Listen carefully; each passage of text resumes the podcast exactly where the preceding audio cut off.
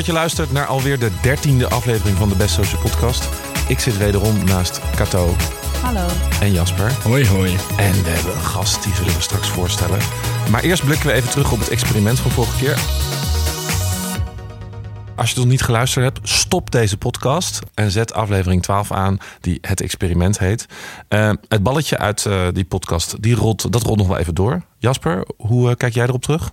Uh, ja, leuk om een keer in zo'n experimentele fase te zitten. Een beetje ongemakkelijk, maar dat vonden we allemaal wel.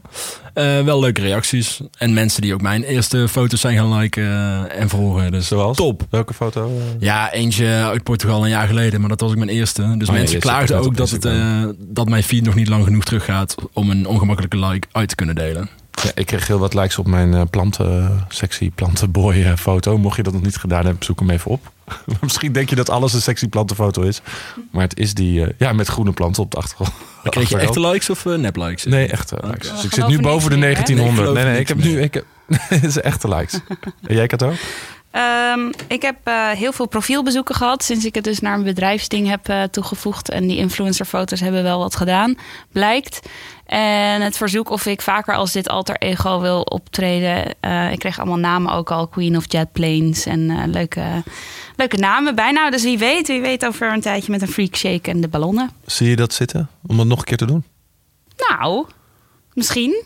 Ja, ik kreeg, ik kreeg, ook wel wat verzoekjes binnen voor experimenten. Uh, maar uh, we, we willen nog heel, heel graag uitgedaagd worden. Dus mocht je een experiment voor ons hebben, uh, laat het dan achter bijvoorbeeld in de iTunes reviews. Of ja. stuur ons een mailtje naar. of als je mij producten wil sturen als nieuwe influencer, mag dat ook. Ja, of DM ons. Sluit in onze DM via de best social media of via onze Instagram accounts. Ehm, we kregen nog wat nieuwe reviews op iTunes. Dat vinden we heel erg leuk. Dus als je nog überhaupt een mening hebt of deel jij heel graag sterren uit, doe dat dan even op iTunes. Uh, daar maak je ons en het algoritme van iTunes heel erg blij mee. Maar dan nu. Deze extra speciale december aflevering. Uh, we gaan het deze aflevering hebben over van alles.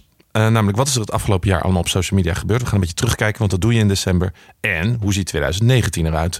En dat doen we met een oude, vertrouwde gast. Namelijk de eerste gast van onze podcast, van podcast 1, Lise Korbezoek. Yo, hallo. Katten-influencer XXL. Ja. Presentatrice van de Best Social Awards dit jaar. En wat niet meer zijt. Ja, mensen, daar is ze. Uh, je vorige podcast, de eerste, is nog steeds onze best beluisterde podcast tot nu toe. Zelfs Tim Hofman, bij jou wel bekend is daar net niet overheen gegaan. Staat nog een beetje achter. Voelt lekker. uh, dus wij dachten, die moeten we nog een keer uitnodigen. En wat leuker dan om met jou eens even terug te kijken op 2018. En vooruit te gaan kijken op 2019. Maar ten eerste, hoe was, hoe was jouw social jaar? Hoe was jouw 2018?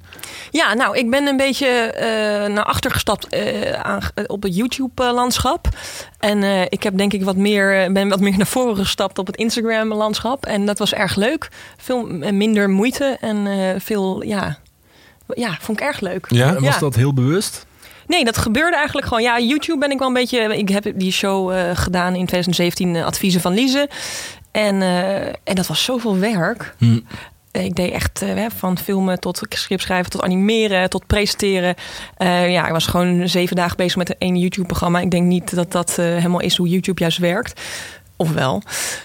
Anyway, Instagram is heel makkelijk. Instagram Stories. Dus daar zit ik nu helemaal lekker in. En uh, dat gebeurde gewoon. En was het ook omdat het niet genoeg dan opleverde? Dat zeg maar, je tijd die je erin stak niet helemaal terug betaald kreeg? Oh, ik kreeg echt superveel. Ik zeg niet dat geld meteen belangrijk, maar is het bijvoorbeeld. Je zegt dat geld. Ja, maar of gewoon het succes nee, ervan, uh, of woog het nee, niet op tegen. Nee, ik snap wat je zegt. Nee, het was eigenlijk gewoon dat het uh, juist wat het me gaf, het niet waard was. Namelijk een overwerkt gevoel en uh, mijn vrienden niet meer zien. dus het gaf me eigenlijk heel veel leuke dingen. En ik denk ook wel wat eruit voort, hè, dat juist die show weer allemaal opdrachten en dus het, eigenlijk heeft het iets heel leuks gedaan. En een nominatie bij de Best Social Award. Hallo. Ja, dat was uh, natuurlijk doorgestoken kaart omdat je het zelf presentatrieste. nou, ik heb wat afgepresentatrice die avond. Maar ja. uh, nee, ik wist niet uh, dat ik... maar het vond heel leuk dat ik genomineerd ja, was. Uh, maar um, ik weet niet meer wat ik aan het zeggen was. Oh ja, dat ik er hoofdpijn aan over heb gehouden. Dat, dat, maar ook ja. veel leuke dingen. Dus ja. jij snapt de burn-outs wel van mensen die uh, veel met YouTube bezig zijn. Uh, er wordt wel eens lacherig over gedaan natuurlijk. Dat mensen daar heel, heel, erg veel werk aan hebben. Het is wel een opgefokte... Kijk, bedoel, ik was niet echt een vlogger natuurlijk. Maar ik snap best dat als je constant bezig bent van... is dit leuk op een camera? Of moet ik dit filmen? En hey, oh, ik heb een emotiecamera erbij. Dat je daar wel een beetje doorgedraaid van raakt. Ja, ja ik had zelf... heb ik het Instagram-account overgenomen van de Lomo eh, vorige week. En ehm, dat leek me in eerste instantie heel erg leuk. En dat vond ik, ook wel, eh, vond ik ook wel leuk. Ik vond het wel een beetje ongemakkelijk. Ik ben niet echt gewend om de hele dag verslag van mijn leven te doen. Maar wat ik vooral echt opvallend vond, vond ik de druk ervan. Zeg maar, ik vond het echt heel zwaar. En dat klinkt nu heel aanstellerig, maar gewoon als je drie dagen gewoon constant moet bezig zijn met het feit... ik moet nu iets filmen en ik moet nu iets delen en ik moet nu iets vertellen. Want dat ja, wordt wel een beetje van je verwacht dat je zo'n ja, minimaal vijf, zes, zeven updates. Maar ik had hele verhaaltjes bedacht en die wou ik allemaal vertellen. Maar op zondag had ik een kater. en uh, ja, dan zit je echt van, goh, ik heb echt zo geen zin om mezelf nu te filmen. Maar ook gewoon in huis dat ik mijn vriend tegen een paar keer heb moeten vertellen, wil je even je mond houden, ik moet het even opnieuw doen.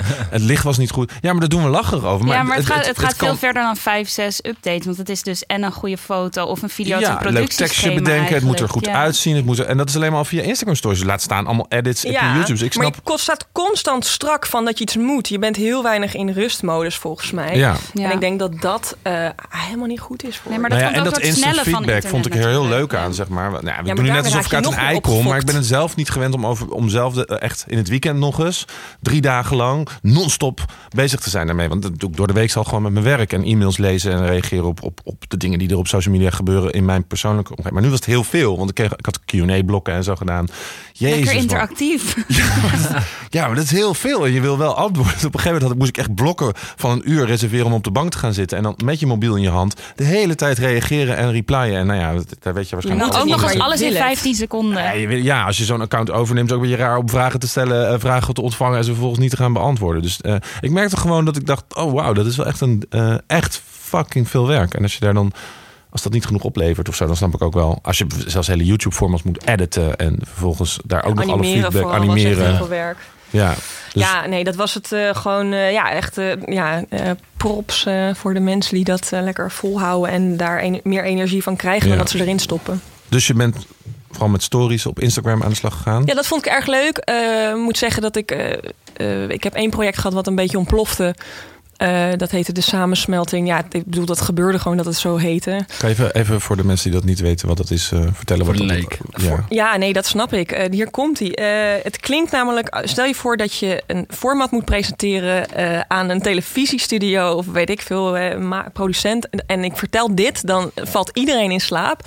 maar je gelooft het niet, het is een succes geworden. Namelijk, ik heb een kat, Dirk, en die is heel lief en een beetje getraumatiseerd. Was genomineerd ook voor een award? Was ook genomineerd ja, voor als beste online dier. Ja. Het beste dier online. En uh, vervolgens eh, dacht ik dat het leuk was om nog een kat te adopteren die ook getraumatiseerd was. En uh, omdat het niet een heel goed idee is om twee katten met een trauma of sowieso twee katten gewoon bij elkaar te smijten, heb ik daar een soort proces van gemaakt wat ik dus de samensmelting noemde. Dat gebeurde een beetje omdat ik expliciet om zat te kijken. Uh, dus absoluut inspired daarop. Met proeven natuurlijk ook. en uh, met, uh, ja, dus dat, dat gebeurde gewoon een beetje. En om een of andere reden is, is de samensmelting van deze twee totaal makke katten, die super lief en knuffelig zijn, een ding geworden wat uh, jongens van 17 tot vrouwen van 50 volgden. Ja, ja ik ook. Nou, ja. En mensen waren gewoon heel betrokken, merkte ik ook. Want je deelde soms ook mensen die gaven ook ongevraagde adviezen, toch? Of niet? Ja, maar, ja, totaal. En daar ging ik ook mee aan de slag, want ik wist het ook niet, want het ging voor Maar ik was er ook, ik merkte dat ik uh, vergeleken met andere dingen die ik volg. Nou, dit was natuurlijk best wel uh, een heel leuk voorbeeld van iemand die op Instagram en ja, echt storytelling. Het was alsof je een soort programmaatje had, inderdaad. Expeditie Robinson Katten, editie op Instagram. Maar ik merkte ook dat ik een enorme mening ging vormen van Lise, doe dit nou niet. En ik dacht heel ja. vaak, ik hou me even in. Ja. Uh, want je krijgt waarschijnlijk al honderd reacties van mensen die zeggen: je moet niet nu er weer tussen gaan zitten, je ja. moet niet nu weer dat. En ik heb zelf ook vroeger katten gehad. Ik heb ze ook bij elkaar uh, moeten zetten. Ik heb ze ook ruzies in maken. En ik denk dat heel veel mensen dit herkennen. Ja. En heel veel mensen jou natuurlijk ook volgen omdat ze van katten houden, want ze kennen je al door. Dus ik kom me ook voorstellen dat het heel heftig moet zijn. Al die meningen, al die ja, verschillende theorieën. Mijn vader is ook nog eens dierenarts, dus ik weet hoe gevoelig dit kan zijn. En het, er is niet altijd één waarheid, dus het leek me heel zwaar nee, voor je. Echt ik kan me ook herinneren dat wij dat eerste weekend ook opvallend veel uh, tips binnenkregen van uh, jouw stories met de katten. Dus ja. mensen waren echt hoekt, ja. Ja, ja. oh wat grappig, ja. En, Want hoe, jij zei het ontplofte, die samensmelting. Nou, dat, uh, dat hoe je... uitte zich dat, nou, ontploffing op je Instagram? Geen grap, duizenden berichten in mijn inbox. Duizenden? Echt, echt gewoon gedurende die vijf weken dat het duurde, heb ik echt, ik denk zeker uh, 100 tot 200 berichten per dag. ja, echt geen grap. Ehm, en, Heb eh, je het allemaal gelezen? nee, op een gegeven moment kon ik niet meer. Nee, stop je Nee, met dus YouTube je en adviezen me. van Lise. Ja. En eh, ik ben eh, op drie verschillende radiozenders geweest. Ik, eh, ehm, er zijn artikels over geschreven op het internet. Zeker. Zeker, en ik, ja. eh, mensen gingen vragen of ik gratis producten wou hebben voor katten en zo, wat ik niet hoef. Eh, maar heel grappig. Wat denk je dat het zo interessant maakt? Hoe zou je dat zelf verklaren? Nou, ik denk dat ik het eh, enigszins snap. Ehm, nou, ten eerste omdat ik eh, naast eigenlijk gewoon het laten zien en er in, in de camera praten ook gewoon stukjes tekst, waardoor je ook als je niet keek gewoon kon meelezen. Dus Zeg maar het verhalende had ik best wel redelijk onder de knie. Maar daarnaast heb je te maken met katten. Dus het is, ik denk dat dat het belangrijkste is. Ze zijn onvoorspelbaar. Mhm. En je moet, dus het is Instagram Stories, dus je moet de hele tijd wachten totdat er weer iets gebeurt, waardoor je spanning krijgt. Ja. Ja, Dus maar je was daar ook wel echt mee bezig. Je was er wel goed in, vond ik. Ja, en En je deed recapjes en terugblikken. Ik Ja. bedoel, voor de mensen die geen idee hebben waar het over... Het is niet gewoon maar een beetje je katten filmen. En, en het Lise zijn ook was niet zomaar katten, laten we aan wel weten. creëren. Ja, Ja. En je, was, je probeerde daar wel een verhaaltje in te creëren. En ik was bloedserieus erover. Het was niet Ja, merkte ik geveinsd. wel, ja. Ik was er echt. Ja, en ik denk dat echt. dat ook mee. Ik was Ja. zo. Het was, ik was er zo gestrest over dat het niet Ik merkte wel dat ik enorm afhaakte toen het goed ging. Ja. Dat Ja. moet jij ook gemerkt hebben. Ja, en toen heb ik het ook gestopt. Want, Dat snap eh, ik. Want ik dacht ook van. ik vond het eh, helemaal niet leuk. Dat is natuurlijk altijd zo. Bij, Ja. Het is een beetje het einde van de film. Het is Ja. gewoon, oké. Nou, nu gaat het goed. Maar- Want voor de luisteraar die het niet gekeken heeft, ging heel lang niet goed. Ze Ja. vielen dan elkaar ook aan. En Ja. Lise deed allemaal proeven om eh, bijvoorbeeld met, met, met, met geurdingetjes en, en uit elkaar, bij elkaar, los van elkaar. Voer op de deur smeren, zodat ze aan allebei Ja, van de kant van de allemaal deur tips zaten te die je likken. kreeg, voerde je uit. Aromatherapieën. Ja. En alles werkte niet, vooral vaak. Of begon toch weer Dirk, de kat die er al langer is, de kleinere kat te slaan. En je zag ook dat jij een beetje afstand van Dirk begon te nemen. Vond ik ook heel zielig. Ja, kut. Dat je, ja, dat je Dirk gewoon een beetje een kutkat van soms vond. Wat hij ook wel... Nou, en je ging er zelf ook bijna onderdoor. Ik dacht ook op een gegeven moment gaat het wel Die met meid is jou. uitgeblust. Ja, Nou, maar om even terug te komen op waar we net eh, over de Lomo takeover en over vloggen. Ik merkte op een gegeven moment wel, oh ja, wow, ik kom echt niet meer toe aan mijn eigen werk. Nee. Eh, dus dan moest ik mijn werk s'avonds gaan doen, omdat ik dus de hele dag montages zat te maken van katten met spannende muziekjes eronder. Ja. Ja, maar als je ook nog zoveel adviezen krijgt en meningen van mensen eh, Ja, als je- over, hoe verder te gaan, hoe, hoe deal je daar in hemelsnaam mee? Nou, kijk, eh, soms dan raakt het je wel. Omdat Ja. mensen Ja, ook zeggen van, eh, hey, hey, eh, dit doe je niet goed. Eh, maar eh, of je niet zo zeuren, hoezo twee... Op een gegeven moment had ik gezegd dat, je, dat ik ergens had gelezen... dat je het aantal katten wat je hebt plus één kattenbak in je huis moet zetten. Nou, toen kreeg ik zoveel boze mensen die zeiden... nee, maar één kattenbak is genoeg hoor. Oh, en dat ja. ging maar Ik door, ook- niet zo. En, eh, en dat ik echt dacht, nou, maar ik heb dit gehoord. Dus dat, dat, dat raak je dan wel, eh, als het heel veel negativiteit is. Maar ik vond, kijk, ik was gewoon heel erg betrokken en ik vond het heel erg leuk. En ik vond het ook gewoon heel leuk dat ik dus nu echt, want luister, ik heb hoeveel volgers? 47.000 volgers. Er hebben 27.000 mensen gekeken hiernaar. Dat is zoveel. Ja, ja. Dus ik vind het zo leuk dat ik mensen die niks met katten hebben of wel met katten hebben, in ieder geval een soort van bewustzijn heb gegeven van katten gooi je niet zomaar samen. Daar moet je Ja, een beetje. ja. Ik vond het ook heel goed van je dat je je onzekerheid daarover uitsprak. Want ik denk dat je anders misschien nog wel meer hysterie over je heen had gekregen.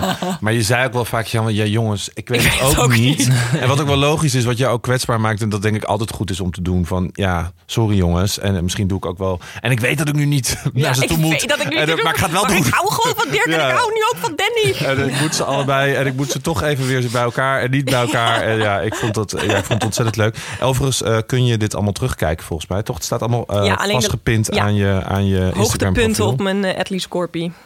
Dat is mijn Dat ging misschien een beetje snel voor me. Etlise Corpie klonk als een, een, een dierengeneesmiddel. apenstaartje L-I-Z-E K-O-R-P-I-E. Ja, dus op het Instagram-account Lise Corpie Ja. eh, staat het vastgepind voor, eh, om het nog een keer eh, terug te kijken. Ja, als je daar denkt dat het letterlijk vijf uur materiaal is. Nou, Ja. dat zal wel niet, maar het is wel echt lang. Maar en hoe is het nu dan? Leuk dat je het vraagt. Eh, nou, het is heel grappig. Ze zijn heel relaxed samen. Eh, Danny loopt veel met haar staart zo lekker om Dirk zijn neus te zwaaien. Ik denk dat ze richting loops aan het gaan is. Eh, maar dat maakt ze wel iets relaxter. Dat zou er weer een mooie aflevering kunnen worden. eh, Deze. Oeh, kinderen. Ja. Oh, Nou, ja. Danny wel meer buikinhoud dan balinhoud. Dus ik weet niet of dat nog gaat lukken. Nee, het gaat gewoon niet lukken. Maar eh, het gaat wel echt een stuk beter. Al is Dirk af en toe nog wel een beetje jaloersig. Maar vanochtend kun je op mijn story zien van deze datum 16. eh, Ja, nou je had moeite met uit bed komen, toch? Ah, ze lagen allebei zo lekker naast me. oh, ja, dat was echt heel Wel gezellig. echt fijn, echt mission complete. Maar ik moet er wel bij zeggen, twee katten lief te geven, het, ik heb, het is nog steeds veel werk. En Tim, hè? Oh ja. Heb je ook nog?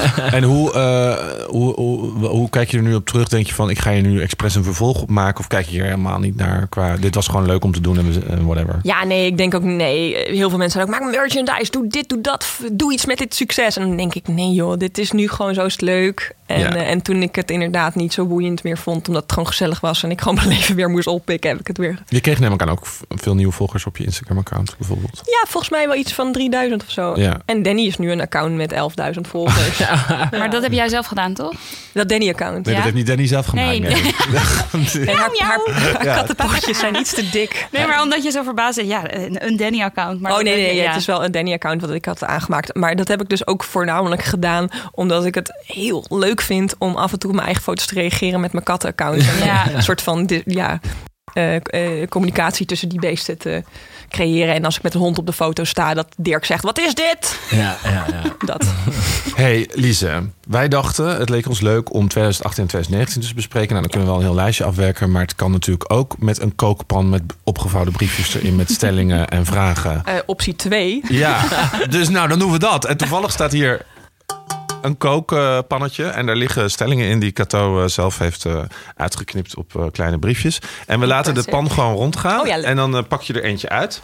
En dan beantwoorden die met elkaar. En eh, we zien wel waar het Ja. schip strandt. Dus ehm, daar gaan we. Aan jou denk ik de eer. Oké. Je kan ook zeggen, nou, deze Hier niet. ga ik me niet Ja. over. eh. Kiss, Mary, Kill op social media. Wat wil je nog even houden? Wat voor altijd? En wat wil je dat nu oprot? Ja. Ja, er staan geen opties bij. Dus die moeten we nu zelf Ja. geven, denk ik. Oh, oké. Ja, Op social media. ja. Oké. ehm, Maar misschien eerst even één van de drie kiezen dan dat we nou... eh, want het is Kiss, Mary en Ja, Kill. nee, ik toch? moet, jou, ik moet jou drie opties geven, jullie. Ja, En dan moeten precies. jullie... Laten we het zo Oh, doen. nice. Ja, Ja. Snap je? Ja. Ehm, nou, jongens, wat een ingewikkelde vraag. Hebben jullie, eh, kunnen jullie een opzetje geven? Eentje noemen? Instagram TV. Oh ja, god, dat is een goeie. Instagram TV. Wil je houden? Nee, Nee. die moeten we kiezen. We moeten er drie Mogen we kiezen? alle drie Oh, zo. kiezen, ja. Dus Instagram TV. Facebook Marketplace, maar is misschien... Facebook Market. Jongens, dat is Oh sowieso God. de Ja, kill. en, Facebook eh, Stories. eh, Facebook Marketplace en Facebook notificaties eh, naar welk event je vrienden ja, gaan. ja. Je krijgt ook vriendschapsvoorstellen van Facebook zelf tegenwoordig trouwens, hè? Ja, dat is echt zo. Maar Facebook, dat is, bedoel je? Nou, dat, dat, dat, dat je ziet dat jij eh, tien gemeenschappelijke vrienden hebt met eh, Harry Nak. En dan eh, stelt Facebook Harry Harry Nak voor als, als... hey, is dit geen leuke vriend voor jou? Nee, maar dat was Ja, maar dat al? is, nee, dat is sowieso al. Maar je hebt ook... Jasper heeft gereageerd op de status van Harry Nak. Dat vind ik bullshit. ik ken Harry Nak Harry niet. Hou op! Oké, jongens, dan gaan we. Instagram TV, Facebook Marketplace, Facebook Notifications, Kiss, Mary. Jezus. Jezus. Oh ja. Oh my god. Ik denk dat ik... Ik trouw denk ik met Instagram TV. omdat er nog potentie Dat is. commitment, Ja, dat hoor. heeft nog potentie. Ja, maar en dat, er staat tenminste misschien nog iets op. Waar, daar kan ik wel op zoeken dat ik iets kan vinden, hopelijk. En het wordt hopelijk nog wat beter. Ze gaan het misschien monetizen. En dan hoop ik dat er wat meer content op komt. Dus daar kan ik nog wel een tijdje mee trouwen. En daar kan ik altijd wel weer een keer van scheiden. Kiss, Facebook notificaties van events, denk ik. Kunnen we daar niet eh, Snapchat van maken? Ja, dat is beter, want dan hebben we twee keer Facebook. En we weten allemaal dat Facebook bevolkt is door alle ouders van de wereld Snapchat. Snapchat. Daar wil ik wel mee zoenen. Dat is goed.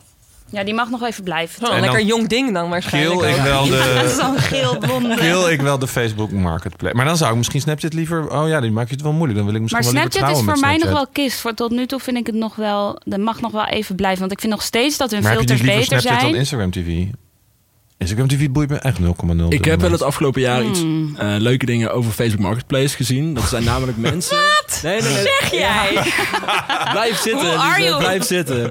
Maar dat zijn mensen die, die, die spiegels proberen te verkopen. hè. En dan maken ze een foto met een spiegel. En dan proberen ze er zelf niet in Er te staat een lul staan. erop. Oh, ja. zie je alleen zo'n handje Ik inderdaad. dacht, of, ik dacht eh, dat ze er naakt. Er staat altijd zo'n lul. Ja, soms wel. Dit klinkt nog steeds... En nu begint het wel echt als mijn ouders te klinken. dus dan kan ik weer niet killen en eh, ook weer Ja, niet... nee, eh, eens, eens. Nu vind je Marketplace heel lief. Ja, maar Ja. volgens mij gebruikt toch... Dat is toch meer gewoon groepen met aangeboden... Zijn maar- niet, je bedoelt niet, jij bedoelt de tool Facebook Marketplace die gewoon 0,0 niemand gebruikt, toch? Ja, klopt. Maar ja, dat, dat, weten wij niet. Want, eh, Ik klik er echt nooit op. Dat is toch nee, dat ik ook niet. tentje gewoon? Inside information ons nu een erover? iTunes review als jij Facebook Als je- Marketplace gebruikt. Als je ooit iets hebt verkocht. ja, of, Of als als je je hem wilt Harry bent. als je Facebook, of als je Harry Dag bent. nee, eh, maar ik vind het wel moeilijk, want ik, ik denk dat ik Snapchat wel meer gun dan Instagram TV. Dus Ja, maar zou je wel- Snapchat mee marryen? Als in... Instagram Ik TV is echt veel meer Instagram stories nog heel vroeg dood en dan, dan krijg je er heel veel geld uit. Instagram Stories dood? Hoe bedoel je zo? Nee, stories, ik bedoel eh, TV. Stel je voor dat Instagram TV, dat je daarmee trouwt en die oh, sterft die sterft en dan krijg ik de erfenis. Ja, precies. Hoppatee. En want Snapchat, eh Ja, dat maar is Instagram gewoon... TV nee, maar gaat sterven. Ja, kan sterven, maar dan blijft Instagram bestaan. Dus dan weet ik niet zeker of die scheiding heel erg succesvol gaat zijn. Dus Oh, dan moet je geld delen natuurlijk. Snapchat Ja. krijg je misschien meer geld uit de scheiding. Nou, zet maken. Maar Snapchat is waarschijnlijk echt een jong lekker ding. ja. Wil je daarmee willen- trouwen en de hele tijd rondlopen Maar terwijl is iedereen niet echt meer. loert. In de internetwereld is Snapchat natuurlijk niet echt nee, meer maar ik vraag me ook... jong Want zit jij zelf nog op Snapchat? Want jouw achterban was ook wel groot daar, toch? Ja, redelijk. Gewoon helemaal vervangen door Instagram stories. Eh, ja, absoluut. Maar ja, omdat ik eh, op Instagram stories wat oudere mensen bereikt Ja. dan op Maar Snapchat. chat je ook niet eh, meer via Snapchat bijvoorbeeld met mensen? Gebruiken jullie allemaal geen Snapchat meer? Nee. Nee. Ja, ik ook. Ik moet niet zeggen dat niet. ik de hele weet wel tijd daarmee dat heel communiceer. veel, maar... eh, vrienden van mij uit mijn voetbalteam en zo, die hebben eh, samen nog wel Snapchat. Ja, ik doe het alleen met mijn beste vriendin. Gewoon onderkin selfies en zullen we vanavond net Ja, er solliciteerde vorige week een nieuwe stagiair. En die eh, was een lievelingsplatform om mee te chatten. Ja? Maar je hebt ook nu van die games daar en zo. Hebben jullie dat nog We moeten meegemaakt? keuzes maken, jongens. Oh, sorry. Ja, maar het is ook niet zo belangrijk, toch? Of gaat niet echt gebeuren namelijk? Oh, niet? We- Zijn we het allemaal eens dat Facebook Marketplace dan gekild wordt? Ja. Prima. Ja, gewoon omdat die heeft me- En dan misschien een trio van. met eh, Instagram TV en Snapchat. Ja, en dan later zien we wel wie het beste- Ja, even ja. met allebei Ja. zoenen en dan... Twee walletjes en En dan... eh, ja. Oké, nou, Jasper? Geregeld. Yes. Dun-dun-dun-dun-dun-dun. Dus, eh, lieve fake likes of fake followers? Fake likes. Ja. Dat is korte duur. Korte duur. Ja, maar van fake followers krijg je sowieso geen... Nou, fake eh, followers geen voor je algoritme. Ja, geen interactie inderdaad. Nee. En dan kijken mensen op je profiel en dan heb je 4000 volgers en dan En die 30 fake likes, dan foto. kunnen mensen nog op je profiel terechtkomen via die foto. En zijn ze wel relevant, want dan zijn ze geïnteresseerd. Maar Ja. hallo, dat hele fake followers ding, dat vind ik echt intens. ja, heftig hè? Ja, het, ik bedoel, ik, ik wist wel dat het bestond, maar eh, nou, het valt me op dat best wel veel mensen dat hebben inderdaad. Ja. Mensen met 100.000 volgers en 800 likes op mijn foto, dat Ja. klopt Ja. niet. Nee. Nee, maar nog erger. Ik, er zijn voorbeelden van mensen met 100.000 likes en 40 eh, likes op een foto van gewoon ook semi-bekende Nederlanders. Ja. Wauw. ja. Maar omdat hij dacht, yes, ik wil veel volgers. Dus eh Ja. er staat er 100k bij mijn profiel. Maar het is toch Ja. bijna dan een beetje gênant als eh, je 40 likes hebt. Ja, en toch denk ik dat Ik zou een wat dan meer weer- oppervlakkige researcher eh, misschien denkt... oh leuk, 100.000 volgers. Die Ja. nodig ik ook uit voor mijn première. Totaal. Ja, en niet heeft gekeken. En, maar nu wordt dat allemaal steeds beter. En ik ga ook nu niet zeggen dat alle PR-bureaus en influencerbureaus in Nederland gek zijn. Want ik denk dat er heel veel het super serieus nemen. En die hebben ook al die tools waar we het vorige podcast Ja. over gehad hebben... om het allemaal te analyseren. Eh, en die hebben ook de documentaire van Nicolas veel gekeken. En die zijn allemaal niet gek. Maar ik denk dat er nog steeds wel veel mensen in de eerste instantie denken... oh, lekker veel Ja. volgers. Maar het is wel leuk en interessant dat er nou voor het eerst een beetje een soort beerput wordt opengetrokken. Ja, zeker. Ja. Maar ik denk inderdaad ook dat ik liever... Ik heb bijvoorbeeld dus die... Ik heb in mijn vorige podcast een, eh, een likebom op een foto naar mezelf gedaan. En eh, ik heb niet het idee dat dat schade aan mijn profiel heeft geleverd. Ik denk dat mensen daar gewoon op klikken. Oh ja, ik had ook bij de lancering van de vorige podcast een story gedaan en gevraagd... Denken jullie dat deze likes echt zijn op deze foto? En 50% dacht ja. Ja, tuurlijk. En 50% nee, die of iets al iets vermoeden of naar de podcast heeft geluisterd. Nou ja, en we, we hadden ook een test gedaan bij Pascal, onze collega. En die kwam echt op een gegeven moment zo naar ons toe. Jongens, wat is dit? Ik heb Ja. opeens 4000 likes op een foto Oh. van een aubergine. Ja. Oh, lief. Ja, maar die had het dus wel door. Maar ik Ja. bedoel, ik denk niet dat het heel veel effect heeft op je imago. Dat je één foto ertussen hebt zitten die opeens heel veel likes. Omdat mensen wel denken dat maar dat ga je gewoon het kan. vaker doen, denk je? Of was het voor het experiment alleen? Voor mezelf? Ja? Nee. Oh, Zie je de marketingwaarde aan om dat bijvoorbeeld Ja, te doen? ja, eh, dat is het probleem er wel aan. Dat ik er wel, ja, bij, likes, bij zo. fake likes dus wel. Daar zie ik helaas echt. Ja, daar hadden we het later ook over op kantoor. Dat we zeiden, we kunnen ook als je bijvoorbeeld iets lanceert, een nieuw product of een nieuwe influencer, dan pleur je gewoon op de eerste 10 eh, post even 200 fake likes op elke post. Dan sta je er toch wat interessanter bij. En heel erg snel hebben mensen dat niet door. Nee. Maar wie zeg zegt dat dat niet al lang is 5%. gebeurd? Ja, dat, dat gebeurt natuurlijk. Want die mensen worden schatrijk met al die fake eh, like tools. En daarom denk ik dat likes wel meer waarde hebben. Op, want er wordt tegenwoordig gewoon meer door de mensen uit het vak gekeken naar eh, interactie op posts. Dan dat er wordt gekeken naar volgens mij followers. Alvast de mensen die goed doorkijken. Want followers is zo obviously eh, vaak te hoog, zeg maar. Voor, en iedereen weet dat er wel 10% altijd nep is. Dus Ja. volgens mij kijkt iedereen zoomt dan wat beter in. Ik, kli- ik klik ook altijd eerst even op de eerste drie, vier posts. Om altijd te kijken, krijgt diegene ook wel een Zo, beetje... ik, ik- dit bestond gewoon niet in mijn hoofd. Nee? Nee, hè? nee. Bizar. Ik, Ik kijk best wel vaak bij mensen... eh, waar, in verband met werk of zo. En Ja. dan klik ik echt altijd eerst op de post. Ook bij vrienden zelfs. Ik, ik klik het wel soms. Ik kijk wel van... eh, klopt dit wel? Zeg maar, vooral als ik het aantal volgers heel erg raar verdacht hoog vind. En Ja, zijn- maar ik bedoel, ik had ook een, eh, een meisje ontmoet die eh fotografe was. En toen keek ik op de fotografiepagina. En toen dacht ik, oh wow, echt veel volgers al voor je fotografie. En toen keek ik op zeg maar, een, fo- een normale foto. En dan maar Mhm. had dan, weet ik veel, 200 likes. En dan een gebrande foto had in één keer 5000 likes. En dat je dan denkt, oh, oké, ja, Ja. dit zijn gewoon gekochte likes... omdat Ja. je voor een opdrachtgever werkt. Oh, zo Precies. weird. Ja, maar je kan wel, want ik heb dus die likes van mij die op die plantenfoto zijn gekomen, Mhm. die heb ik eh, geanalyseerd. Je ziet het er wel aan af. Ik bedoel, Ja, je het moet zijn die- niet Jasper, Schilder en Ja. eh, Koen en hoe heet die? eh, die van Harry. Die zijn het niet. Nee. Het zijn wel Ja. eh, one. Maar als je het En, hebt over eh, gewoon tooltjes, rare- als je het hebt over tools en zo, is het dan, dan is het wel makkelijker te achterhalen hoeveel nep-volgers je hebt dan hoeveel nep-likes je hebt, of niet? Hmm, volgens mij is het eh, allebei. Nee, maar als je gaat Allebei klikken op, op ja, dat weet likes, dan ja, zie maar je als je, eh, Nee, maar het zijn de ratio's die ertoe doen. Dus hoeveel interactie krijg jij in verhouding tot je volgers? Dat is heel makkelijk te zien. Want dat kan elke bot, elke computer kan dat even uitrekenen. Wat Ja. je natuurlijk niet zo goed makkelijk snel kan analyseren is hoeveel is echt. Want wat is echt nog tegenwoordig? Dat is ook een probleem aan het worden. Want je hebt nu dus heel veel tools die dus allemaal echte accounts tot hun database laten boren door wachtwoorden te pakken. Of door Ja. eh, dat je daar bijvoorbeeld een cent per like of zo voor krijgt of minder nog. Dus dat is niet meer te monitoren. Hoe weet je dan of dat of Nee, een, dat of is een in like binnen die WhatsApp-groepen van... yo, like Ja, allemaal deze foto Like allemaal deze foto. Ja. Eh, er zijn Nee, allemaal technieken waardoor je... Dus je kan er niet echt meer achter dus qua volgers is dat makkelijker.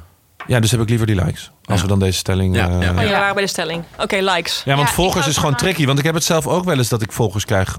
Obviously, die totaal niet relevant voor mij zijn. Uh, koekenpan.nl of zo. En dan... eh, ehm, no shame naar koekenpan.nl trouwens. Misschien wel een leuke website. Koekpan.nl, shout-out. Ja, Aridak. Uh, Koekenpan.nl. Die mij dan volgt. Ja, je zou dat kunnen blokken natuurlijk. Dat is misschien beter. Ja. Want ik heb nu die volger erbij. Ja, jongens, we weten allemaal dat koekenpan.nl echt nooit eh, mijn foto's gaat liken. Dus ik krijg daar minder interactie. Eh, mijn ratio gaat naar beneden Oh, door dat ja. soort volgers. Dat heb jij waarschijnlijk ook. Ik Waarschijnlijk denk er niet eens over na wat je nu zegt. Nee, dat is natuurlijk zo. Ja. Ik word er heel vaak stoort het me Over een beetje. ik- Over Over gesproken. ik wil hem net maken. Oké, typen of voiceberichten Oké. op WhatsApp? I love voiceberichten sturen. Zo, ik wou het ook net Ik zeggen. haat ze Love krijgen. Ja, je kunt ze niet overal altijd beluisteren. In dat boek van eh Marten Baltel, vriend van me, absolute reclame. eh, aan het typen heeft hij zo'n heel mooi eh, staafdiagrammetje gemaakt. Of nee, zo'n zo, zo'n grafiek met ehm 10 seconden voice note, prima. 30 seconden, ugh. 1 minuut, oh, ik wil dood. En dan zeg maar twee minuten, oh mijn god. Ah.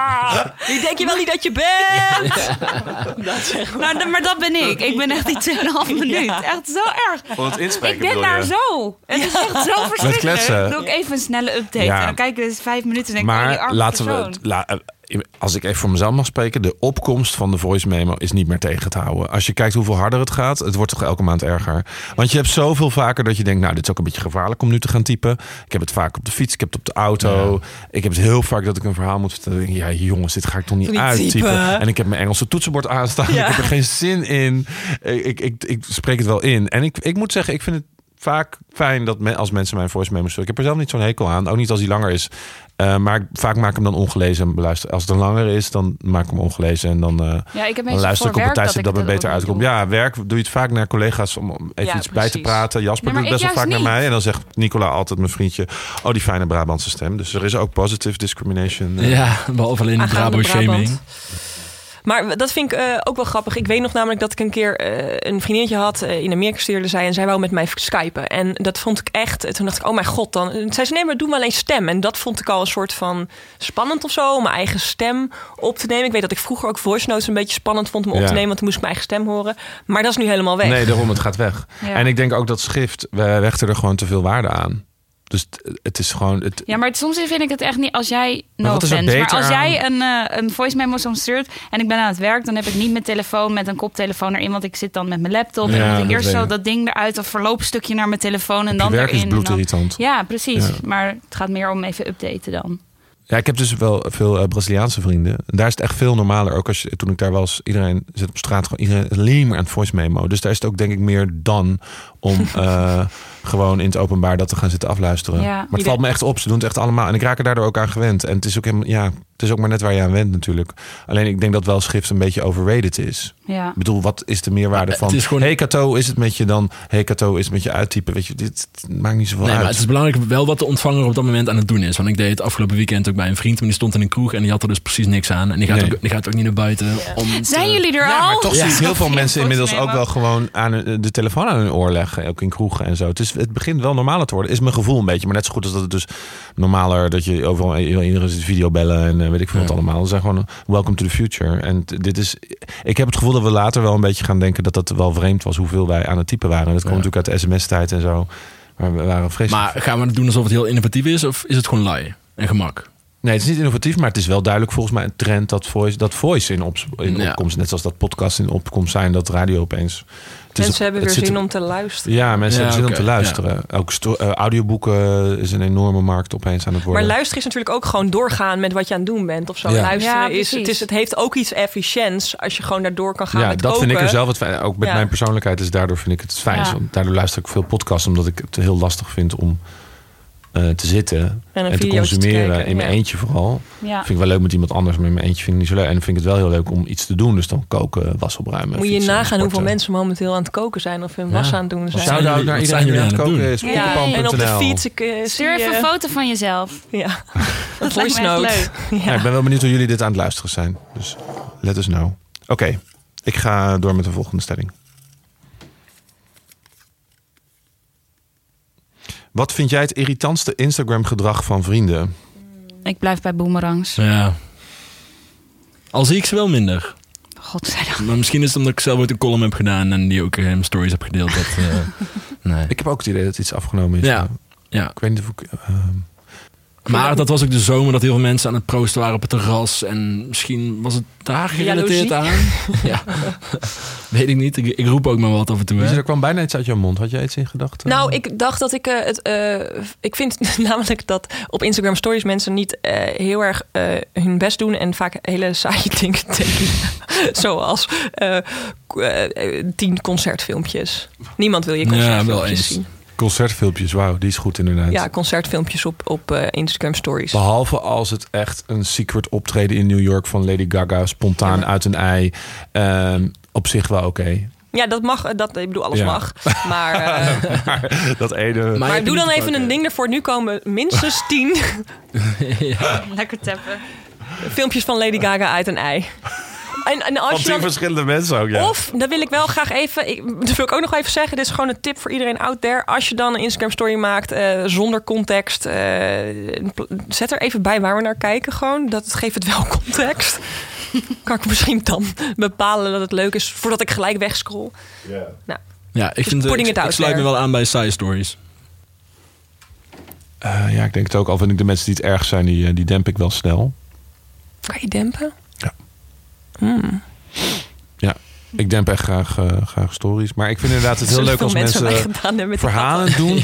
Eh, dat, dus ik vind het leuk als mensen hun avond bijvoorbeeld naar een concert zijn geweest. Dat allemaal even rustig op hun camerarol houden. Dus niet in je Instagram-app alles meteen uploaden. Dan erover nadenken van... Goh, ik heb toch wel zes keer dezelfde camerapositie. Dan even editen, dan wat tekstjes erbij.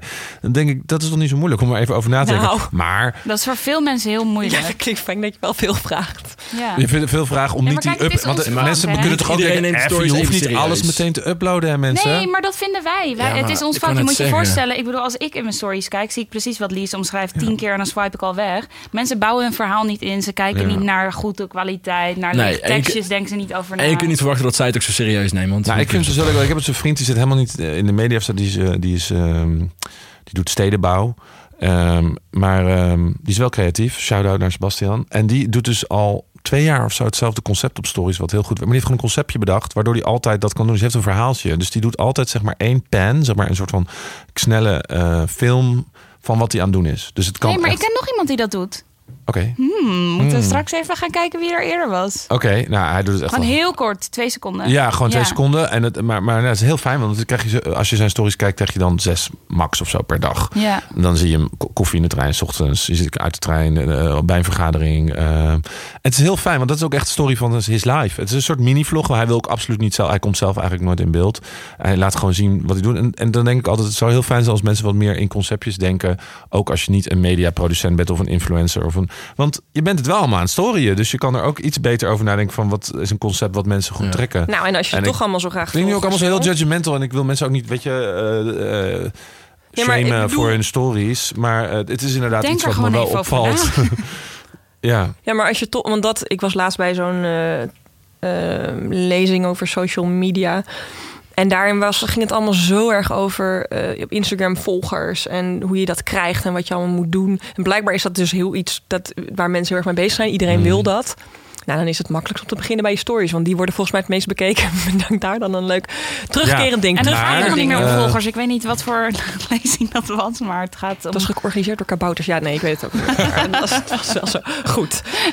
ja, ik ben er ook Wat was de vraag ook alweer? Wat vind je het irritantste Instagram gedrag van Oh, je ja. vrienden? Ja, nou, dat is nu al duidelijk. geloof En ik. is, eh, als ik die nog aan mag halen, de nieuw post in stories, dat mensen dat doen. Van, hey, ik heb een nieuwe post. Goeie. Ik vind dat Dat ook doen je vrienden niet hoor. Jasper. Nee, maar dat is- doen je nee, vrienden, dat oké. doen influencers. Dat doet Lise. Nou, Nee, grapje. Lise, grapje. Een bekende persoon. Helemaal in shock. How dare you? Nou jongens, hier komt nogal een statement uit de pan. Zal... Nee, dit is geen statement, dit is een vraag. Oké. Zal social media de komende vijf jaar minder belangrijk worden? Tum, Ja, tum. dat vind ik wel een goede vraag. Ik heb hem misschien zelf bedacht. Nee, nee ik heb hem niet zelf bedacht volgens mij. Nee. Dat zou echt heel erg zijn. Nee, toch, Kato? Jawel, je hebt hem zelf Oh, bedacht. ja. Nee, ik vind het een leuke vraag. Ehm, zal het belang- minder belangrijk worden? Nou, wat denken jullie jongens? Nee. Ik denk het ook niet. Ik denk het ook niet. nee. Nou, hoe, mm, vijf voelt- jaar is wel kort, hè? Maar wat is zat- belangrijk, hè? Ja, Dus- ik zat gelijk te denken aan een kleding die eh, emoties overneemt... en dat je zo dingen kan delen met vrienden. En ik dacht, oh, op die manier met technologie kan het wel iets minder belangrijk... maar dat is niet de komende vijf jaar. ja, of- ja. Maar gaan we even vijf jaar terug, hè? Het is nu 2018, 2013. Toen waren er eigenlijk nog niet zo heel veel vloggers. Zoals nu. Nee. Eigenlijk waren er maar drie of zo. Hè? Dylan Hagens en Enzo Knol en eh, iemand Was waarvan we de naam Knol er al in vergeten zijn. 2013 trouwens? Ja.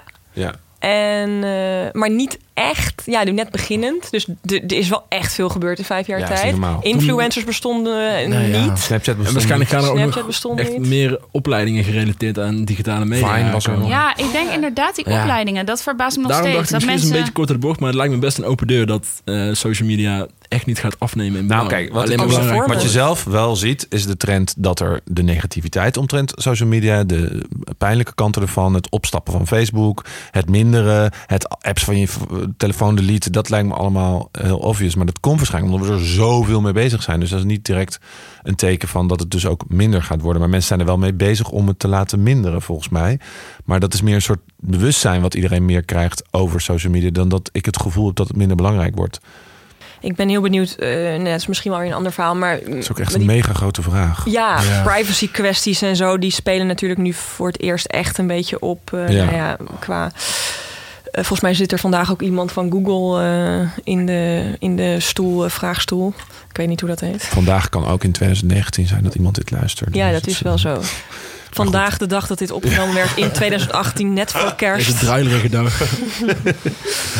Ehm, dus dat, dat daar, want het kan natuurlijk op privacygebied en op dat mensen gewoon denken: wow, ik raak mezelf echt super kwijt, want ik ben vet verslaafd. Ja. Dat die kant ook heftiger wordt, zeg maar, dat geluid. Ik denk dat de extreme heftiger worden. Exact. Eh, Precies, want er zijn nu heel duidelijk mensen die er echt afstand van nemen, die er minder van worden, die er gelukkig van worden om ook minder mee bezig te zijn.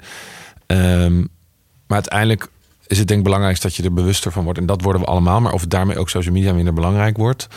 ik kan me niet voorstellen in vijf jaar. Hoe erg ik ook denk dat offline belangrijker wordt en dat het belangrijk dat mensen. Hè, er zullen wel steeds meer restaurants komen waar je niet met je mobiel in mag. ik heb misschien- de laatste tijd ben ik zo vaak op feestjes geweest waar je geen mobiel mocht hebben. Maar misschien wordt Ehm. offline juist nog meer eh, eh, bediend met online. Ja. Zoiets. Het erge is dat als ik over vijf jaar 2020 denk, maakt dit sens. dan kan ik me alleen maar Black Mirror afleveringen voorstellen. Ja, precies. En dat vind ik zo kut. Weet je? Dat- Ja, maar het is toch ook zo. Hallo, nu, als je in een taxi stapt, dan geeft de chauffeur eh, jou een cijfer. En jij geeft de chauffeur een cijfer. Als je eten bestelt, geef je die een cijfer. Dat, het, Ja. het is gewoon eh, heel erg aan de gang. En Vijf Ja. jaar geleden zou je gezegd. En ook identiteit, dat ik ook dat heb zien veranderen in vijf jaar. Hoe mensen je zien, dat dat gebaseerd is gedeeltelijk op je social media. Je, je geluk. Maar ik snap het Eh, zo Jij goed. met je katten, eh, wat het voor impact op je leven heeft, Ja. is ongelooflijk. Ehm, En mensen zien alleen dat. Dus mensen die koppelen me nu allemaal aan katten. Die zien de rest van mijn leven niet. En die Ja. zeggen alleen maar hoe gaat het met Danny en Dirk. ja? Hoe is het met jou, Lise? Dat is wel een beetje waar ik op afsteek. Dankjewel, Kato, voor het opletten.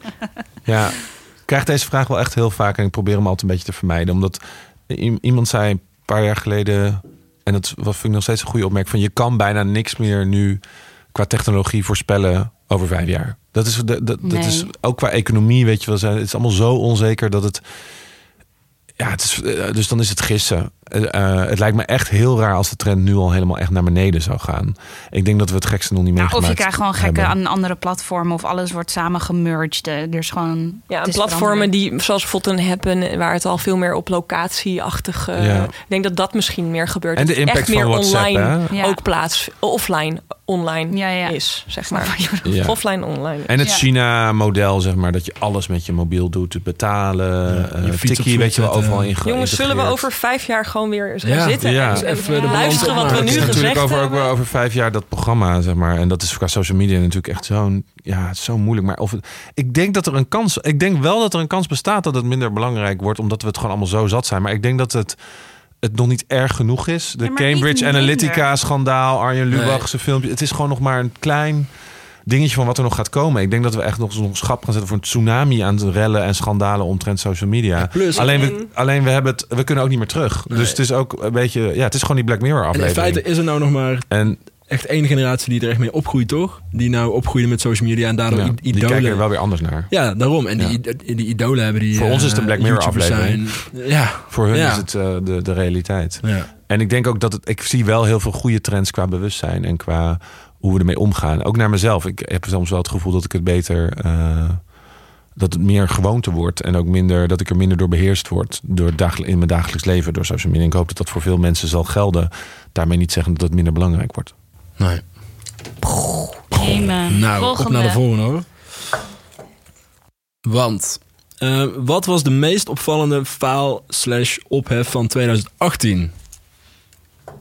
Ik moet zelf... eh, ja, Jasper, jij als eh, redacteur van de Best Social Media Denk, hebt eh, waarschijnlijk wel wat voorbeeldjes in je hoofd zitten. Ja, maar die eh, kennen jullie ook wel. Eh, de Boef was begin dit jaar. Oh, die- het eh, kegverhaal. Ja, het kegverhaal. Dood Dus je moeder is een keg, jezelf. Ja, Jamie Lee's boek. ja Jamie Lee's boek. Dotan uiteraard met zijn trollenleger. Ehm, Oeh, dat was misschien wel de beste. ja, Ik denk dat dat wel de meest... Oh. en ik Ja, vond het ook bizar erg. dat de VS echt letterlijk en figuurlijk in een fik stond toen eh, Nike eh, die samenwerking aanging met die NFL-speler. Oh ja. Dat was, ja, was En dat een- iedereen zijn Nikes ging verbranden. Ja, en zijn omdat, sokken in de fik ging ja, steken. ik en helemaal nergens op. Maar Boef is, of Dotan, ehm ja, ik denk dat Dotan was wel, wel de grote het opvallendste verhaal in Nederland Ja. Over fake gesproken, inderdaad. Fake Precies. followers, Ja. eh, fake dingen. Gewoon een heel nieuw genre aan fake heeft hij Ja. Ja. opengetrokken. Ook een bewustwording eigenlijk. Gewoon, Ja, want ik heb en hoe social media je hele leven kan kapot veranderen. kan maken Ja. ook hoor. Ja. Dus hoe het gedrag op social media en het hele verhaal rondom fake ook in je gezicht kan ontploffen. Ja. Maar echt, ik heb toen dat verhaal in het vliegtuig, weet ik nog dat ik op Twitter las en Zo, dacht, nou, ja, maar wat dat leuk. pikte iedereen op, inclusief wij. Ja, wij ook. Ja. Maar weet je wat echt een stom achteraf detail is? Dat Cato en ik eh, daar toen nog eh, over hebben gehad. eh, ehm, dat het misschien discutabel was. Ja, maar dat kwam doordat ik... Ik had met een eh, jongen afgesproken die ik social media advies zou geven. Hij was namelijk muzikant. En hij zat een beetje in dat dooddanachtige Muzikant. wereldje. Ja, muzikant. Geen oordeel verder, maar muzikant. Omelet. Nee, juist heel leuk. Maar ik bedoel meer daardoor daardoor kende hij Dotan. Ehm, en toen zei ik zo, ja, wat zie jij zelf als voorbeelden qua social media? Naar wie kijk je op? En toen zei hij dus van, ja, Dotan heeft wel echt een strategie daarachter. Want hij is super succesvol op social media. En ik zo, oh ja, daar hadden we laatst een artikel over. Of daar gingen we een artikel over schrijven van het Ja. vliegtuigverhaal van het meisje. En toen zei hij zo, ja, maar dat is dus niet waar. En ik zo, huh, jawel. En ik was toen helemaal in shock. Dus ik met Jasper Ja. toen, ik hoorde dat het niet waar. Want hij was er bijna zeker van, van dat kan gewoon niet. En toen dacht ik, shit, ja, het Ja. is wel een ander... Toen he- het kunnen weten. En toen heb ik hem dus benaderd via Messenger. En hij reageerde wel op mij van, eh ah, Dotan. En toen zei ik letterlijk... ehm, ehm, Wat had je geschreven? Van haar dood dan. We hebben een artikel gedaan en we zijn eigenlijk wel benieuwd naar het meisje. Eh, we zouden daarmee in contact willen komen. Ehm, dus dat vroeg ik, volgens mij ook letterlijk voor de volgende podcast. En eh, toen, zei hij van, ja, dat gaat via mijn management. Dan moet je even contact met hun opnemen. Die heette Natot of zo. En, en, eh, en, en ik vroeg ook nog, omdat ik eh, gewoon benieuwd was naar zijn antwoord. En wa- waar kwam ze eigenlijk vandaan? En toen zeiden ja, de VS eh, volgens mij. En op een gegeven moment zeiden we zelf ook van... Nou, laten we stoppen met graven en verder gaan met ons leven.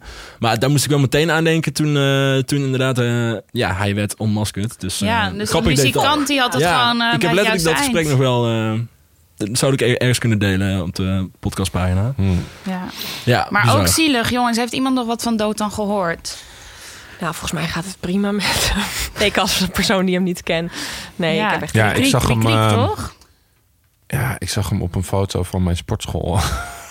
Op de achtergrond met de gewichten Nee. of gewoon... eh, Nee, gewoon op mijn sportschool. Dus toen dacht ik, oh, Oh. fijn. Ik vond het ergens wel fijn dat ik hem... eh, Ja, het is toch ook gewoon rot dat hij denkt dat ik hij vind dit het allemaal namelijk moet wel rot. doen. Ja. Wat de reden er ook achter mag zijn. Ik ben niet, ik ben niet zo iemand die er heel boos van wordt of zo. Ik denk, ik vind het ook wel gewoon heftig überhaupt. Het is altijd natuurlijk kloot als iets heel heftigs in je leven Nou ja, gebeurt. Of je daar nou zelf de schuldig van bent of niet. Ja. En Dus, het is eh, gewoon toch gewoon wel een beetje eh, gewoon kut en gênant. Ja, maar Ja. misschien ook een voorbeeld van jezelf ook een beetje verliezen en je mee Ja. laten slepen door de feedback die je krijgt Ja. op social media. Ja, En echt een tering groot risico nemen. Wat die, Ja. eh, waar Ja. Ja, het is maar dat voel ik dus nu een beetje bij, ehm, bij al, die, al die grote eh BN'ers met nep-accounts. Weet je wel, dat, dat zit nog een shitstormpje Ja, aan maar- te komen. van, mogen we dat Ja, niet dat- zeggen. ja je kan Nou, het dat vind ik gewoon... Oh, nee, is niet, eh, vind ik niet vriendelijk, want het is een aanname.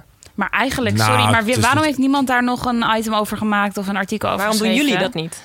Ja, wij ja, wij zijn een niet, beetje. wij zijn, staan natuurlijk wel voor het positief op social Oh ja, media. dat is dus wel waar. Je wil even geen burnen en, shitstorm, eh, ja. nee. Nee, maar het is Hoe kijk jij se daar naar? burn, Jasper? We hebben het er wel over gehad. We zijn er wel, we zijn er wel over nadenken. Ja. En, en, maar het moet wel eh, inderdaad een positief effect hebben. snap of een het. Ja, dat positief signaal. niet. Niet dat we alleen maar eh, voor Heilige Maria aan het schrijven zijn. Maar eh, het is wel een lastig verhaal. En eh, ik denk ook dat die mensen die dit nu luisteren of weten... ook zelf maar eens bij zichzelf te raden eerst moeten gaan. Even allemaal je volgers weggooien. zijn. Nou ja, daar hadden we het vorige keer over. Maar daar hebben we nog geen antwoord op. Eh dat moeten we misschien nog even uitzoeken. Van of je nou ook van je fake followers af kan komen. Ja, en hoe dan inderdaad? Want dat vind ik nu ook wel zielig aan die mensen. Dat je het een keer koopt. Weet je wel, voor een paar tientjes koop je 50.000. En je kan eh, ze zelf op een follow drukken, denk ik. Ja, handmatig. Ja, ook. Ja. een legertje in met Dotan. Misschien weet Dotan nog een paar mensen. Notat. En... Oké, volgende vraag. Ja, Ja, ga er ook het over. Zit er nou, is dit een mooie creatie van een van jullie? Ja, ik, eh excuses.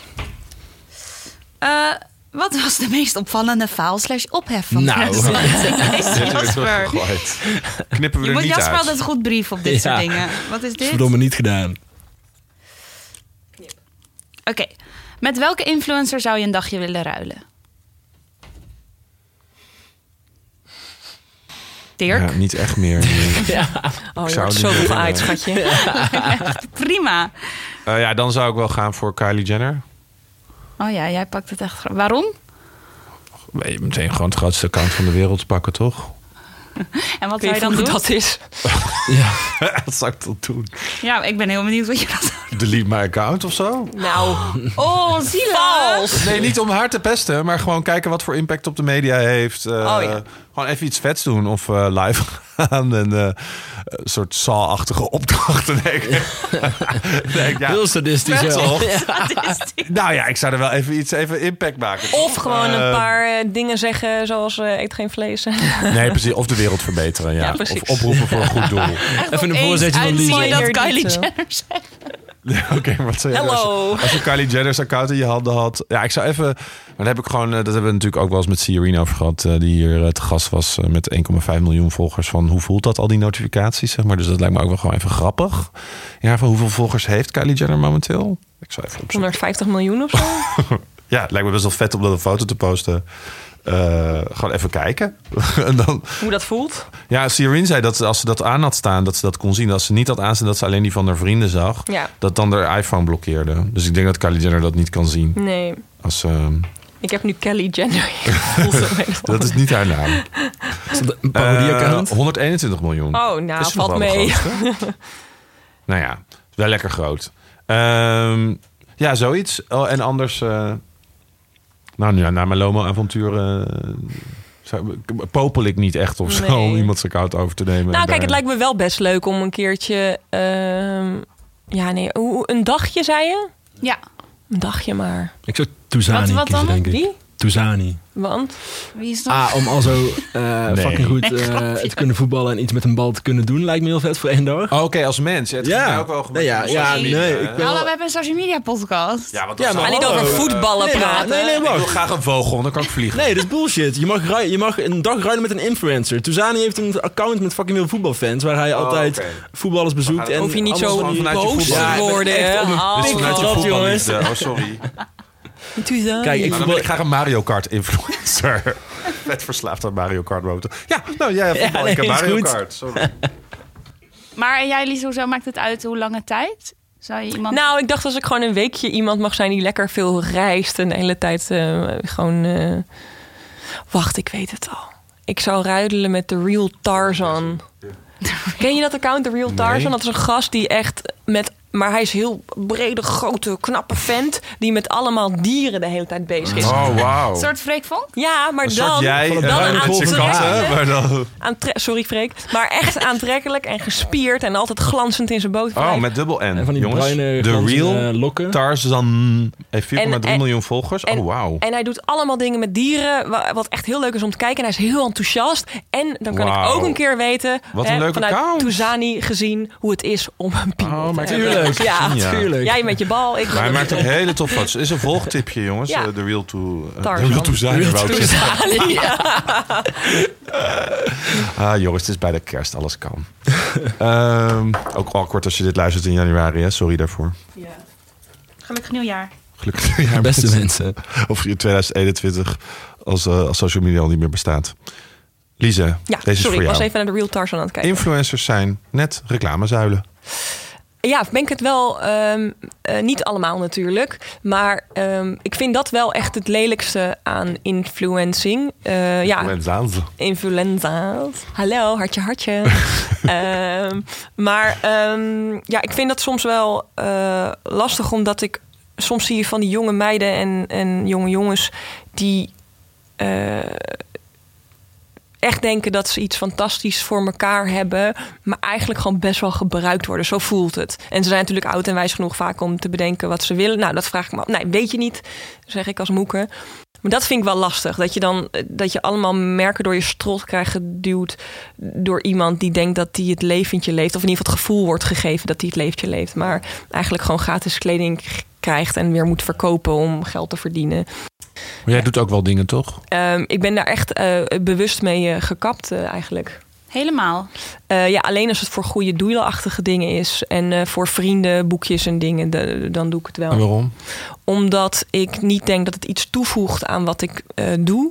En ik heb het, eh, ik heb het niet nodig. Voor de mensen thuis, wat doe je momenteel? Ah, maar wat, doe, wat is dat doen dan? eh, ik zeg niet dat jij een influencer bent, maar je bent natuurlijk heel actief op social Nou ja, media. dus mensen mensen zien gaan ervan uit. ja. precies, maar niet voor gesponsorde eh Nee, eh, samenwerking. Ik vind het gewoon leuk om leuke dingen te maken, om het Ja. maken. En ik hoef niks eh, te... Je krijgt natuurlijk wel ander soort opdrachten. Ik krijg waarschijnlijk wel opdrachten door die niet te maken hebben met dat je iets op je Instagram moet zetten voor een merk. Of hoe, hoe moet ik Ja, dat zien? precies. Ja, sowieso. Dat resoneert dat wel door. Als je Ja, gewoon leuke content maakt, dan mag ik weer op andere manieren leuke content maken. En natuurlijk zal daar ook wel af en toe iets toe zitten, bij zitten wat dan reclameachtig is. Ja, want uit de hele kattenhype, hè, de samensmelting Ja. hype, is daar niet, zijn er niet dingen uitgekomen van, hey Lies, wil je niet dit of dat doen wat je heel leuk vond, iets heel tofs? Of dat, wat, dat de mensen ook daardoor geïnspireerd kunnen maken, van, eh, raken van je doet iets tofs op je Instagram en er komen weer leuke toffe dingen uit. En dat hoeft niet te zijn dat je eh, een tandpasta in je mond eh, m- moet proppen, zeg maar. Ja. zo. Wel een, een cool kattenkrappaleis of zo. Nou, dat, is, dat zijn dus dingen die je volgens mij niet doet dan. Nee, nee. Ik heb wel bijvoorbeeld van eh een merk een, een, eh, een, een schaaltje, een marmeren schaaltje toegestuurd gekregen. Nou, super bedankt. Maar ik ga daar niks over posten.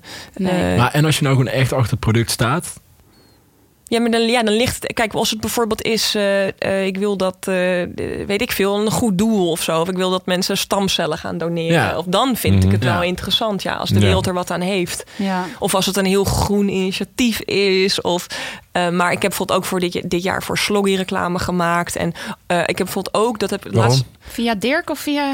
Sloggy. Leuk dat je het vraagt. Nee, via mijn eigen account. En eh, daar, heb ik gewoon echt, daar kreeg ik 5000 euro voor. Nou, dat is vet veel geld, heb ik gedaan. Maar dat, dat wil ik nu eigenlijk Nee, maar dat niet was meer. dan Waarom niet niet? een Waarom, influencer waarom post, voel je daar? Ik vind het wel. waarom niet?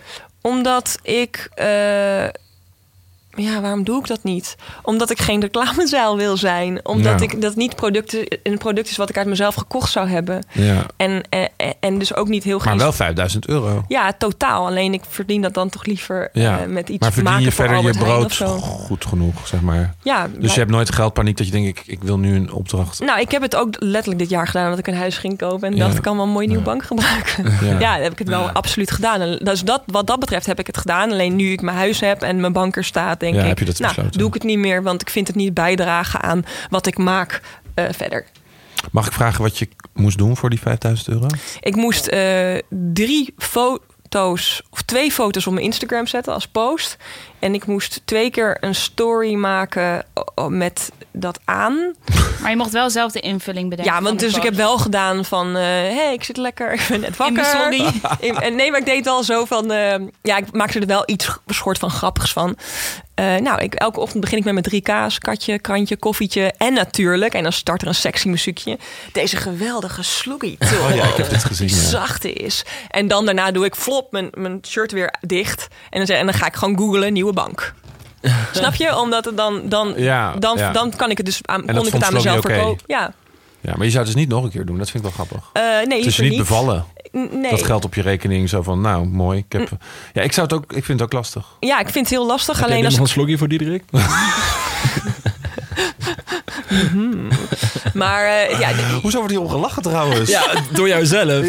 maar ik- voor de oplettende kijker die nu zegt... hé, hey, maar laatst zag ik nog dat je voor Desperados dingen aan het doen was. Nou, dat is dan een vriendin van me die bij Desperados werkt. En dan, denk, Ja. en dan vind ik het leuk om Ja. dat dan te doen. Maar ik denk ook dat het een Maar daar krijg ik verschil daar is geen als geld je zelf- Ja, of als je zelf er invulling aan kan geven. Als jij het op een sarcastische, leuke manier kan brengen. Ben ik alsnog een top aan het verkopen. Ja, dat is zeker waar hoor. Maar ik denk wel dat dat anders voelt dan dat je eh, geposteerd op een foto gaat en een hashtag SP erbij zet. eh, Ik vind het wel echt een heel interessante kwestie. Want ik bedoel, deze podcast is ook gesponsord. Eh, Ja. eh, en en ehm, liever niet. Nee. Dus als wij eh, heel veel geld aan andere dingen zouden verdienen, dan echt no way dat dit gesponsord zou zijn. Dus ik hoop dat mensen dat ook begrijpen. Je doet het ook niet omdat je. eh, kijk, als je, ik, ik vraag me soms echt af bij sommige mensen. Ik zat een tijdje geleden. Ik probeer me even te bedenken wat. Ja, nou dat Bo bijvoorbeeld dan weer in een Lidl-reclame rondrent. Hè? Dat, is, eh, dat is dan de, de ouderwetse vorm van reclamezeil zijn. Dan denk ik, jongen, je wint alle awards. Je bent de beste presentator momenteel van het land. Je bent omroepman van het jaar geworden. Ja, prima dat geld, weet je. Maar het lijkt me zo heerlijk om Bo te zijn en juist te denken... nou, ik ga even niet in de Lidl-reclame spelen. Want ik ben momenteel de populairste presentator van Nederland. Dat mag toch wel een beetje gezegd worden. Het is Maar momenteel dat wel is- echt de hype van Nederland is boven Erve Doors. En dan ga je je toch... Dan dat is eigenlijk ook wat, wat met Instagram... Ik hoop dat ik, dat ik zelf genoeg eh, geld mag verdienen met dingen die leuk zijn en tof zijn. Ja. Dat ik inderdaad sommige keuzes niet hoef te maken om geld te doen. Maar heel vaak ook om dit bedrijf te runnen, om deze podcast te maken, om de best social media te runnen. Heb je dat moeten nodig? we keuzes maken waar, ik, waar ik soms echt ook moeite mee heb. En dat ik denk, nou ja, het moet maar. Ehm, en heel vaak ook niet. En ik, ik denk dat het ook wel dat we gelukkig in een tijd leven waarin heel veel mensen het best wel normaal vinden dat je met dingen probeert geld te verdienen. En dat ze, mensen dit luisteren en ook niet denken: God, dat zullen ze nou eens even gratis voor ons gaan maken. Ja, het kan gewoon letterlijk niet. Het is Nee, heel, maar eh, ik bedoel, zo werkt het toch? Ik bedoel, je, je hebt... eh, soms moet je dingen maken, daar heb je geld voor nodig... en dan zoek je een sponsor bij. Ja. Maar wat er met Bo bijvoorbeeld gebeurt... en met heel veel influencers... dat ze gewoon eh, rijk worden door... Het gaat om geld. Het gaat niet meer om dingen maken. Het is niet dat zij geld krijgen in ruil voor iets moois maken. Nou, Bo wel, die maakt wel dingen die dus awards Ja. winnen. Die wint televisie Nee, met dat programma. bedoel, ik heb het- met ze. En die maakt dan ook een Lidl-reclame waarvan ik denk... Oké. Ik snap het prima. Ik gun hem ook al dat geld hoor. Ik vind het prima. Als je zo populair bent, en waarschijnlijk heeft hij echt heel veel geld voor gekregen. Alleen ik denk meer Waarom? Nou ja, maar ik bedoel, ja, nee, oké. Krijg je niet genoeg betaald? Hij krijgt toch waarschijnlijk echt ruimschoots genoeg betaald? Maar ja, vijf kinderen of zo. Ja, maar laten we ook niet doen. Ja. Ik wil nu niet Bo aanvallen erop, maar meer dat is natuurlijk ook het influencers reclamezel. Er zijn ook hele grote influencers die volgens mij al echt. Maar Bo is weer, dat is weer die scheidingslijn tussen influencer en BN'er, hè? Die we dan. Nee, maar die is er dus denk ik niet meer zo heel erg. Want het lijkt wel op elkaar, toch? Ik bedoel, een influencer die heel groot is, een Enzo of een Nicky, die doet natuurlijk ook dingen voor tonnen. En, en ik weet wat Lil Kleine geloof ik vraagt. Nou, dat is echt niet normaal, zeg maar, om gewoon een... eh, een ja, om een, pas je op met de microfoon, eh Kato. Is dat te knuffelen met de microfoon? Voor de mensen Maar het thuis, is- het, zie, het- het ziet u niet, maar... eh, Ik denk dat het, wat ik een beetje wat ik er ergerlijk aan vind, of ergerlijk, is dat een woord? Nou, we- anders introduceren we hem. Is dat eh, als mensen reclame maken voor iets, dat daar nul creativ- creativiteit bij te pas komt. Ja. Iedereen zegt, Ja. staat gewoon sexy in zijn sloggy top. Of zegt, hé, hey, er is een hele fantastische giveaway. Doe even een andere top. Met elkaar Ja. of een klein top. Eh, eh, doe de code eh, Chantal65 en krijg 65% korting. Maar dat is wel de makkelijke en minst intensieve weg. Ja, dus het is inderdaad, eh, dat is absoluut waar. Eh, maar dat, dat, dat vind ik. eh, ik, ik vind het zo, het is zo leuk als mensen lekker eh, creatief Maar het lijkt me zouden heerlijk zijn dat je dat niet hoeft te ik doen. zou dat ook wel willen. Om je, ja, Ja? Het, het voelt... Nee, ja? niet zo op de foto met Sloggy hoor. Ik bedoel meer dat mensen een creatieve oplossing en het Ja. echt naar zichzelf Oh, ja. trekken, een merk. En, Ja, en niet het alleen gewoon- doen als het bij hun past. Ja. En het ja, Ja. leuk aanpakken. Dat is het idee. Die, ruimte is er niet altijd. Maar wat ik wel lastig Ja. vind, is dat mensen. mm, dat je op een gegeven moment, als je niks kan. Dus je doet niks creatiefs, maar je bent bijvoorbeeld alleen maar knap. En je krijgt er heel veel likes voor. Dan ben je wel echt eigenlijk een soort reclamezaal. Ik had dus een kennis met 100.000 volgers. En die vroeg dan via aan mij van... Jij bent toch... Je werkt met social media. En zei van, nou, hoe kan ik daar een beetje geld mee gaan verdienen? Want ik heb al die volgers en mensen die mij van graag volgen. En ik zei, nou ja, als je naar je profiel kijkt... ehm, dan draait het alleen maar om je, om je hoofd en je lichaam. Dus in principe in de normale wereld zou je dan prostituee kunnen worden of model. Ja, je wel. Maar een van de twee, ja. Ja, het is jezelf verkopen toch? dus het is Ja. jezelf verkopen. Dus als je daar geld mee verdient, ja, dan Ja. is het gewoon, ja, verkoop je je, dan ben je je een trucje. reclamezaal. Dus je Ja. zou kunnen over nadenken om dan iets te doen op je Instagram. Eh, iets met humor, iets met creativiteit, iets met tekenen, iets met fotografie. Dan krijg je ook een, een Canon die iets met fotografie wil doen of een andere wat er bij je past. En dan voel je er waarschijnlijk ook minder goor bij om daar iets mee te doen. Maar ja, als je alleen maar je lichaam aan, dan moet je het ook maar accepteren. Dan ben je toch gewoon een reclamezaal. Dan moet Maar je maar een onderbroek aantrekken en een, eh, Maar het gaat en een mij petje op je hoofd. om de echte, zeg maar, de influencers van Nederland. Of influencers in Nederland dan eventjes gewoon Mhm. die iets verkopen wat, eh, wat helemaal niet bij ze past. Gewoon voor het geld, zeg maar. Ja. Op een hele onoriginele En manier. heel doorzichtig. Ja, Maar dat, heeft een doelgroep dan misschien weer niet die eens Nee, dat, maar dat maakt allemaal niet zoveel meer uit, want iedereen doet het. Eh, maar dat, dat, vind ik, dat, dat vind ik wel een beetje reclamezuilenachtig. En eh, ik heb er geen eh, negatief oordeel verder over. Heb wel. Nou, het is niet een negatief oordeel. Het is meer zo van, ik vind het zonde. Ik vind het een gemiste Ja. kans. Maar het gebeurt ook, het is wel een beetje van alle tijden. Niet alleen het social tijdperk, hoor. Ik bedoel, George Clooney en Nespresso is toch Ja, eigenlijk ook gewoon... Hetzelfde. eh, dat. Alleen, Ja. daar zit wel een heel... Dat is wel een hele mooie, grappige reclame. Ja, heel elegant en heel eh, stijlvol. Ja, Klopt. daar zit wel een heel team achter en dat is een succesvol concept of zo. Maar het is, het is in, in de basis hetzelfde, maar de uitwerking is nog wel origineel. Ja. En dat, Ja, ik denk dat dat inderdaad ook een, een voorwaarde moet zijn. Ja. En ja, dan is het misschien 90% geld, maar niet 100%. Want Clooney kan het ook gewoon best vet vinden dat hij toch het gezicht is. eh, eh, van een chic koffie. ja, en dat hij toch gewoon graag wil zijn. Hebben Ja. we leuke voorbeelden van toffe uh, influencer reclames voor bedrijven? Ik zit even te denken of ik iets tofs kan bedenken wat ik zag of zo. Dit is mijn cricket. Ja, ik zou wou jou noemen met je repen. Je, jouw repen waren leuk in 20 bar. adviezen van Lisa 20 Ja, bars. adviezen van Lies was ook zo'n voorbeeld van het kost gewoon veel geld, dus reclame erin. Ja. Net zoals En, en kan je iets vertellen over die reclames die erin zaten? Nou, we hadden 20 bar en dat, het leuke daaraan was, 20 bar is een maaltijdreep. Eh, daar maakten we hele absurde, debiele reclames bij. En het grappige was dat mensen zich gingen afvragen of ze nou wel of niet echt waren. Eh, terwijl Ja. ze wel echt bestonden. Waardoor Kan jij andere dingen bedenken? Of misschien iets van Tim of vanuit je omgeving dat je denkt dat was tof of inspirerend hoe je wel met een merk iets tofs kan doen? Ik zou ook graag mensen inspireren, namelijk om leuke Ja. voorbeelden te Ja. laten zien. Nou, goede vraag. Ik kom er even niet op. Misschien kunnen mensen dat achterlaten in de comments. Ja, eens. Ja, Nou, misschien gaan wij wel een keer een lijst maken. Dus stuur Maar ze het hangt want toch ook af dat... van je doelgroep. Ik bedoel, je hebt ook hele toffe influencercampagnes met YouTubers en met Nee, films tuurlijk. en weet ik Ze Ja, staan wel, maar we komen er Ze vallen waarschijnlijk niet op als wat wij nu bedoelen. Als, er zijn natuurlijk genoeg hele leuke dingen die op het internet voor sponsors worden gemaakt. En dat vinden we gewoon leuk, want het voelt aan als organische, echte eh, content, echte dingen waar je naar kijkt. Dus waarschijnlijk schiet het ons daar maar ook Ja, niet we zijn het gewoon allemaal eens. Wees creatief. Mooi. Nou, we doen er nog één. Wie was jouw grootste social media inspiratiebron opkomst van 2018? Danny. Danny heeft ons alle geraakt Danny de in het hart. Ehm, ik vind, Nou ja, wel, goede vraag ik wel. vind wel grappig dat die Wilco van de geheugentest nu zijn eigen Instagram-account heeft. Is dat zo, ja? ja. Het voelt ook als een Ik ben erg blij met jouw tips, Lies. Misschien kan ons komen werken. De real Tarzan. De Real Tarzan. Eh, even denken, inspiratiebron. Hmm. Ja, of echt een opkomer. Ik vind het ook lastig hoor. Ik vind... Maar Ver. Ja, eh, Fred met ja, zijn kookvideo's Ik hoop, het is sowieso. gewoon leuk dat iemand iets totaal anders doet en iets creatiefs doet. Ik vond Is dat je- niet voor een merk ook? Of is dat gewoon Nee. kookvideo's? Ja, wordt nu wel verbonden Anders met een hadden we goed gelijk doel. antwoord gehad op vorige vraag. Nee. Nou ja, wat, ik- wat Hij ik heeft er wel nu een goed doel met uh, Ron Blauw. eh, Ja. eh, Oh ja, en met die ja, bij, Ja. bijen en, en, en diners en weet Ja. ik veel. Maar wat ik ook wel leuk vond was ehm eh Famke Louise. Ja, Femke Louise, die hebben we Oh ja. natuurlijk in het begin heel erg gehad met Vroom Vroom en eh, ehm, op mijn money en zo. En dat was toen heel negatief. Maar ik heb wel die documentaire toen gekeken en dat heeft mijn beeld van haar wel veranderd. Dus in die zin vond ik haar dit Of jaar haar deelname in Expeditie Robinson.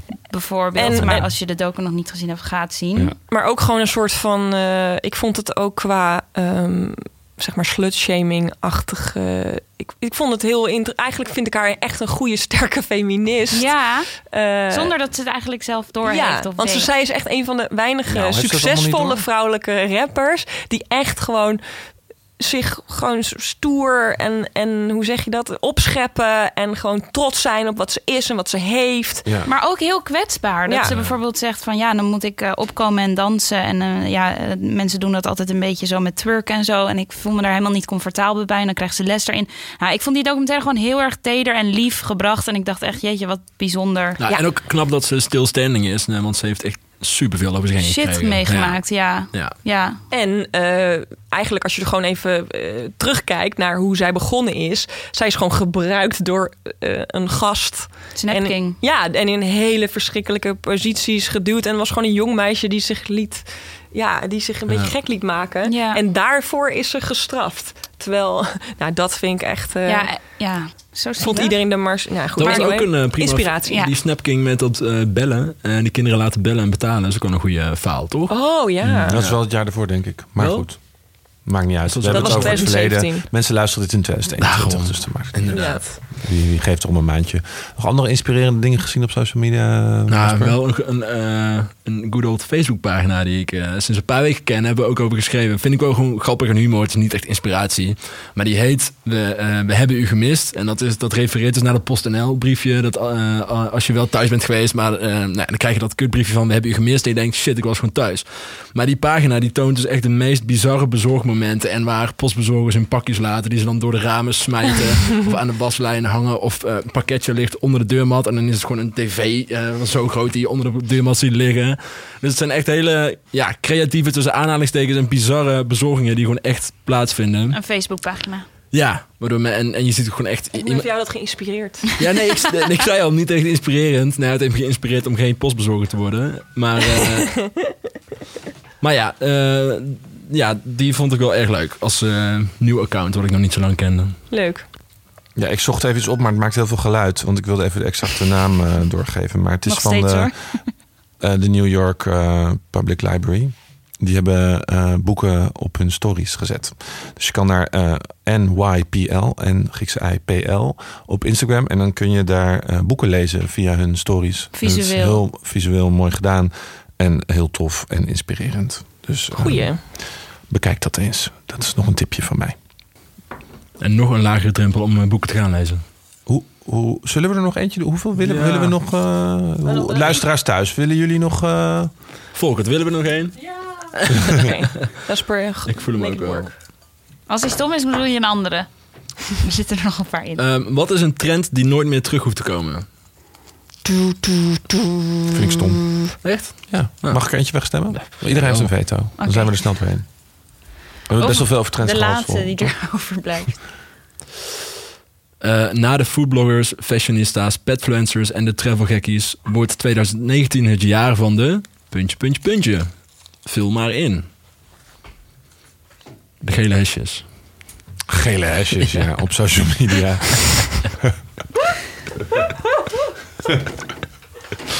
Jeetje, wat een lastige vraag. Ja, Ja, ik hoop het dat het het jaar wordt van politici die eh, eh, massaal, eh, vrouwelijke politici die allemaal wel massaal eh, eh, social media omarmen en daarmee viraal gaan. Ik vind dat eh, leuk. politiek echt, eh, echt nog in de kinderschoenen staat eh, qua, Qua social media.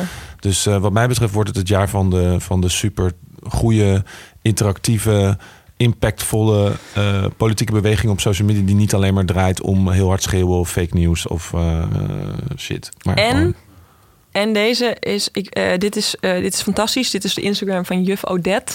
En daarbij staat, vroeger was ik juf, nu ben ik influencer. Oh, ja.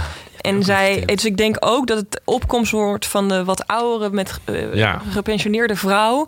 die een mooi eh, Instagram-kanaal maakt. En want het is fantastisch. überhaupt Ja. ouder op social media. Nou ja, ik had dat ook een beetje, zeg maar, de, de nichefluencer noem ik Ja. het dan even. Ja. Gewoon iemand die eh, zelf een passie heeft of, of gewoon heel erg gepassioneerd ergens over is. Of dus wat ouder. Of gewoon niet die grote massale travel influencers, maar meer gewoon kleine, sympathieke. Ja, ik zei ook tegen, dat heb ik ook geprobeerd in mijn familie. want Dat probeer ik ook uit te leggen. Van, ik zou het echt heel leuk vinden als mensen van die leeftijd zouden gaan vloggen. Ik zou dat veel eerder kijken dan. Die mensen hebben zoveel meer te vertellen en, en weten zoveel meer dan, de- dan, dan ik of de gemiddelde tiener. Ja. Dus daarvan denk ik ook vaak van wat jammer dat die wat, niet wat meer over de streep worden getrokken om, om dat geluid te laten horen. Ik denk ook dat het mega populair zou worden. Want Maar je ziet altijd, als er weer een omaatje is die zich- die zichzelf drie keer fashionable aankleedt, dan staat het op alle headlines van eh, alle websites. Dus het is ook, dus er is gewoon een enorme behoefte aan volgens mij. Kijk maar naar eh, programma's met heel Holland Bak die door de gemiddelde 60-plusser worden gepresenteerd. Mensen vinden dat hartstikke leuk. Ja. Petra Dus- moet gaan vloggen. Ja. Ja, iedereen moet vloggen. Ehm, nee, ja, maar het, het is gewoon omdat het mist. Het mist heel erg, merk ik, toch? Het is er gewoon niet. Ik vind ook dat het het jaar moet worden, social media trend moet zijn dat je eh, eh, tips geeft en informatie deelt op Instagram stories, behalve alleen maar in je leven. Dus dat je, ik was laatst had ik een tuin eh, tips gedaan en ik had verteld over de roodborstjes en zo. En toen dacht ik, hoe leuk is dat dat je wat leert? Er op? En de slakken hoor. Ik heb Ja. dat ook bijgehouden met Ja. jouw stories. Eh, wat was de Maar ene dat is toch huisje, leuk als je wat huisje? leert? Kreeg je er veel op terug? Eh, ja, wel redelijk. Oh, dat wist ik niet. Ja, gewoon leuke reacties. Maar Ja. toen dacht ik wel, oh, dit is leuk. De educatieve, informatieve stories. Niet te snelle consumptie, maar gewoon echt iets. eh, Iets wat je mee kan nemen in je leven. Maar dan educatief persoonlijke stories. Want als je eh, ja, nu naar een NMS of wat dan ook gaat. eh, Ja, persoonlijk inderdaad. ja. Ja. dat, het, dat je er iets aan hebt. Ja, Life, life hacks. fair enough. Nou, dat lijkt me leuk, maar goed, doe ermee wat je wil. 2019. ja. Nog één? Nog één. Geef op, luisteraars, even feedback geven. Willen jullie er nog één of niet? Luister. Oh, wij zijn de luisteraars. Nee. Rustig Oké. blijven, Kato. Even kijken. Ik krijg net een appje binnen van, Stop, eh, alsjeblieft. Het is te lang. van Henk Nak. Harry. Oh, het is zijn broer. Oh, Harry. Ja, Henk Nak, de broer van Harry. Nou, deze is wel leuk om mee te eindigen misschien. Dirkie of Danny of Tim? Nou, jongen. Wat een kutvraag. Ik, had toch nog, ik mocht er nog eentje Kill stemmen. Mary. Fuck. Nee. Een heel beschaafd kist. Even je gevoelens erbij. Je hoeft geen keuze te maken. Nee, je hoeft geen keuze te maken. Dus Tim het al zat. nee, Tim is juist nou eindelijk een beetje eh, down met de katten. Fijn. Want dat was hij eerst niet. Nee, eerst had hij echt... Hij snapte niet wat het is om een huisdier te hebben en ervan te houden. Maar dat gaat nu lekker. Ja, weet je, we doen ze gewoon alle drie in een blender en dan drink ik Ja, op. dan zien we wat eruit Ja. komt. Nee. Nee, niet nog een vraag. We hebben namelijk, we hebben ook nog. eh, Kijk even welke er nog in zitten. Ja, ik heb dus hoe kunnen we fake news de baas zijn op social media? Ja, ik maak me daar gewoon heel erg zorgen Ja, om. maar dat kunnen we beter een andere keer helemaal de diepte ingaan Ja. over dit serieuze, misschien heeft zware Lise een tip voor eh, Brazilië om daar de verkiezingen om te draaien. Hoe ze daar Ik WhatsApp ben fake news absoluut de kunnen. aangewezen persoon om hierover te daarop te beginnen. reageren. Snap ik. Ik vond, dit- vind dit nog wel leuk, eh, Lisa, als je iets binnenschiet. Wat is jouw eigen favoriete post van het afgelopen jaar? Je mag het opzoeken of iets waar je, wat je het leukst vond. Oh ja, Misschien dat is een leuke afsluiter. Leukste ja. post van dit jaar. Jezus, jongens. Ja, goeie. Had jij niet, ehm, correct me als het niet dit jaar was, die, eh, ik mag het eindelijk vertellen, het is vandaag 1 april. Nee, is jaar ervoor. Toch? Nee, was dit jaar. Oh, sorry. Ja. Dat vond ik erg fijn. Vond je leuk? Ja. Er was veel ophef over ook, toch? Ah, Ophef. ophef. Ja, Wat er toen voor gebeurde? Voor de luisteraars thuis, eh 1 april, ik doe wel zwangerschapsfotoshoots. En eh, eh, dan krijg ik zo'n grote buik voor gebonden. En dat zijn altijd gewoon hele zoetsappige, lieve foto's. nou, 1 april deelt natuurlijk altijd iedereen de echo's. Van, eh, ik, hè, en, dan is het, eh, en dan is het altijd van eh, ah, 1 april. Maar ik had die foto gedeeld en gezegd... na maanden wachten kan ik jullie eindelijk vertellen... het is 1 april. Dus Had je het eh, ook echt op 1 april gedaan? Ja. Jazeker. Ja. Dat was de grap. maar het was gewoon... Ja, maar snap ik. Maar heel veel mensen doen dat tegenwoordig de dag ervoor, hè, jongens. Wij, Nee, maar, ja, maar eh, luister, hij was het ging, gewoon, genoeg, het ging ook niet om de zwangerschap. Het ging om het is 1 april. ja. Eh, en toen... eh, nee, dat, ja, dat snap ik. Maar heel veel mensen doen dat dus de dag van tevoren... om het niet zo obvious te laten lijken dat het een 1 april grap is. Ja, Sorry. dat Het snap lijkt alsof Ik ik snap uit een ei kom. Ja. Maar de, Ja, nee, ik snap de meeste zegt. bedrijven die in zo, op 1 Ja. april... doen het de week van tevoren... omdat anders iedereen meteen 1 april... Nee, maar deze grap was heel erg geënt op het is vandaag 1 april. Nou, vervolgens eh, vinden mensen dat allemaal hartstikke grappig. En, maar gaan allemaal nieuwsites het oppikken. Waardoor heel IVF, falend Nederland... Ja, dat klinkt heel oneerbiedig. Maar eh, eigenlijk waren het heel veel Oh. vrouwen... die ident- identiteit ontlenen aan... eh, aan eh, aan dat het niet lukt om kinderen te krijgen. Wat eigenlijk heel heftig is om Ja. daar je Instagram op in te richten. Nou, dat is best wel een grote gemeenschap blijkbaar. En die vielen er allemaal heel erg over. Kreeg ik heel veel boze berichten en het bleef maar eronder door, doorgaan. En toen dacht ik, oh ja, ja, dit is natuurlijk totaal niet mijn insteek om deze vrouwen. Weet je, maar wat was de caption dan precies? Nou, Ja, wat dat ik net zeg. gezegd. Echt ja, Ik maar, heb maanden gewacht en is het eindelijk 18, Maar- 1 april. ja, maar ik vraag me af of Maar daar nog iets in zit. Van zwangerschap. Nee, alleen die foto. Ja, en, en met die pose, dan sta je, dan hou je je Maar ik ben nu een beetje bang dat ik reageer zoals de eerste keer over de Zwarte Pieten discussie. Dat ik het Ja. even niet begrijp. Dat, is ook, dat was toen daar ook onder. Zwarte Pieten discussie had ik ook inderdaad een t-shirt aan. Dit, het was een echt een ontplofte foto. Nee, maar ik bedoel meer bij de Zwarte Piet. discussie, De eerste keer dat je dat hoort, denk je, nee, maar Zwarte Piet is lief en ik doe niks fout Ja. en ik ben, ik ben niet gek. En Oh, ja, zo, het over. ja. En dat ik meer bedoel van, mis ik even nu wat, je, wat daar... ehm, je mag helemaal geen grappen überhaupt ooit over zwangerschap maken. Nee, want het is een hele gevoelige kwestie en niet iedereen kan zwanger worden. Dus Oké, nou, ik ga daar niet allemaal beledigende dingen over Nee, zeggen. maar het is gewoon wat het, ik bedoel. Probeer het is ook, in te leven. Ik het snap- lijkt me ook heel rot als Ja. je geen kind kan krijgen, maar je moet begrijpen dat ik die post niet post met het idee ik ga. hun op de hak te nemen. inderdaad. En als mensen er wel eh, rotgevoelens bij hebben, dan is dat super rot, maar ik ben niet verantwoordelijk voor jouw gevoel. Nee. Ik bepaal wat ik op Ben je nu dan schichtiger geworden met dingen posten? Oh nee hoor, Eh, nee, ja nee. Ik heb gewoon erbij echt gewoon duidelijk bij gezet. Ik ben niet verantwoordelijk voor eh, jouw gevoel. En vooral niet als het mijn intentie Ja. absoluut niet was om iets.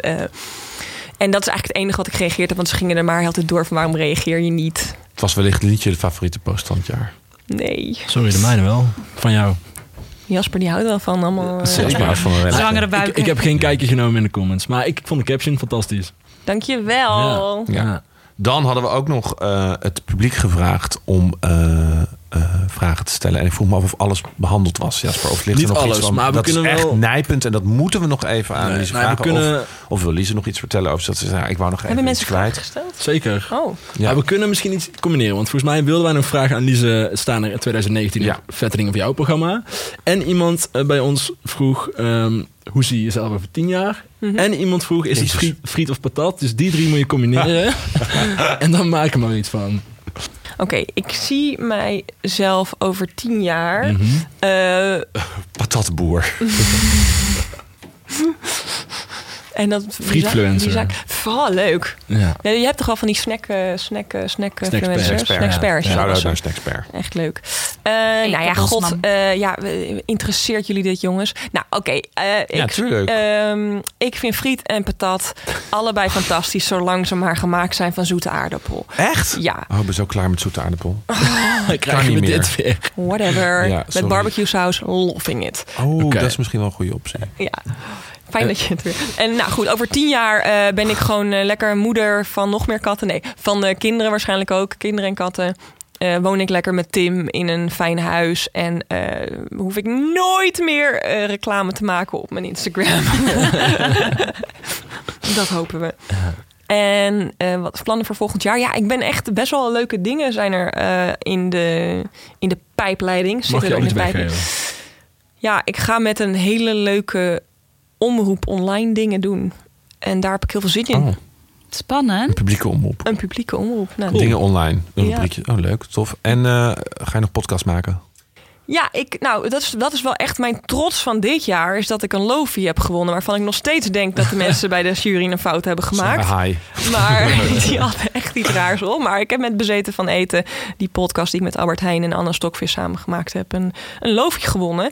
Eh, dus ja, daar moeten we mee doorgaan natuurlijk. En mensen kunnen dat nog steeds luisteren door op, in hun iTunes of in hun Stitcher of in hun, eh, nou ja, Eh, wat voor app dan ook, ja, in te typen bezeten van eten, dan kun je dat luisteren. Heb je Dat een favoriete aflevering daarvan? Voor als, ja, ik tip? vond Mexico, Anna, dat is mijn favoriet. Heet die zo, Mexico? Ja, als je Mexico bezeten van eten, dan kom je bij Anna uit. En dat is een fantastisch leuke vrouw.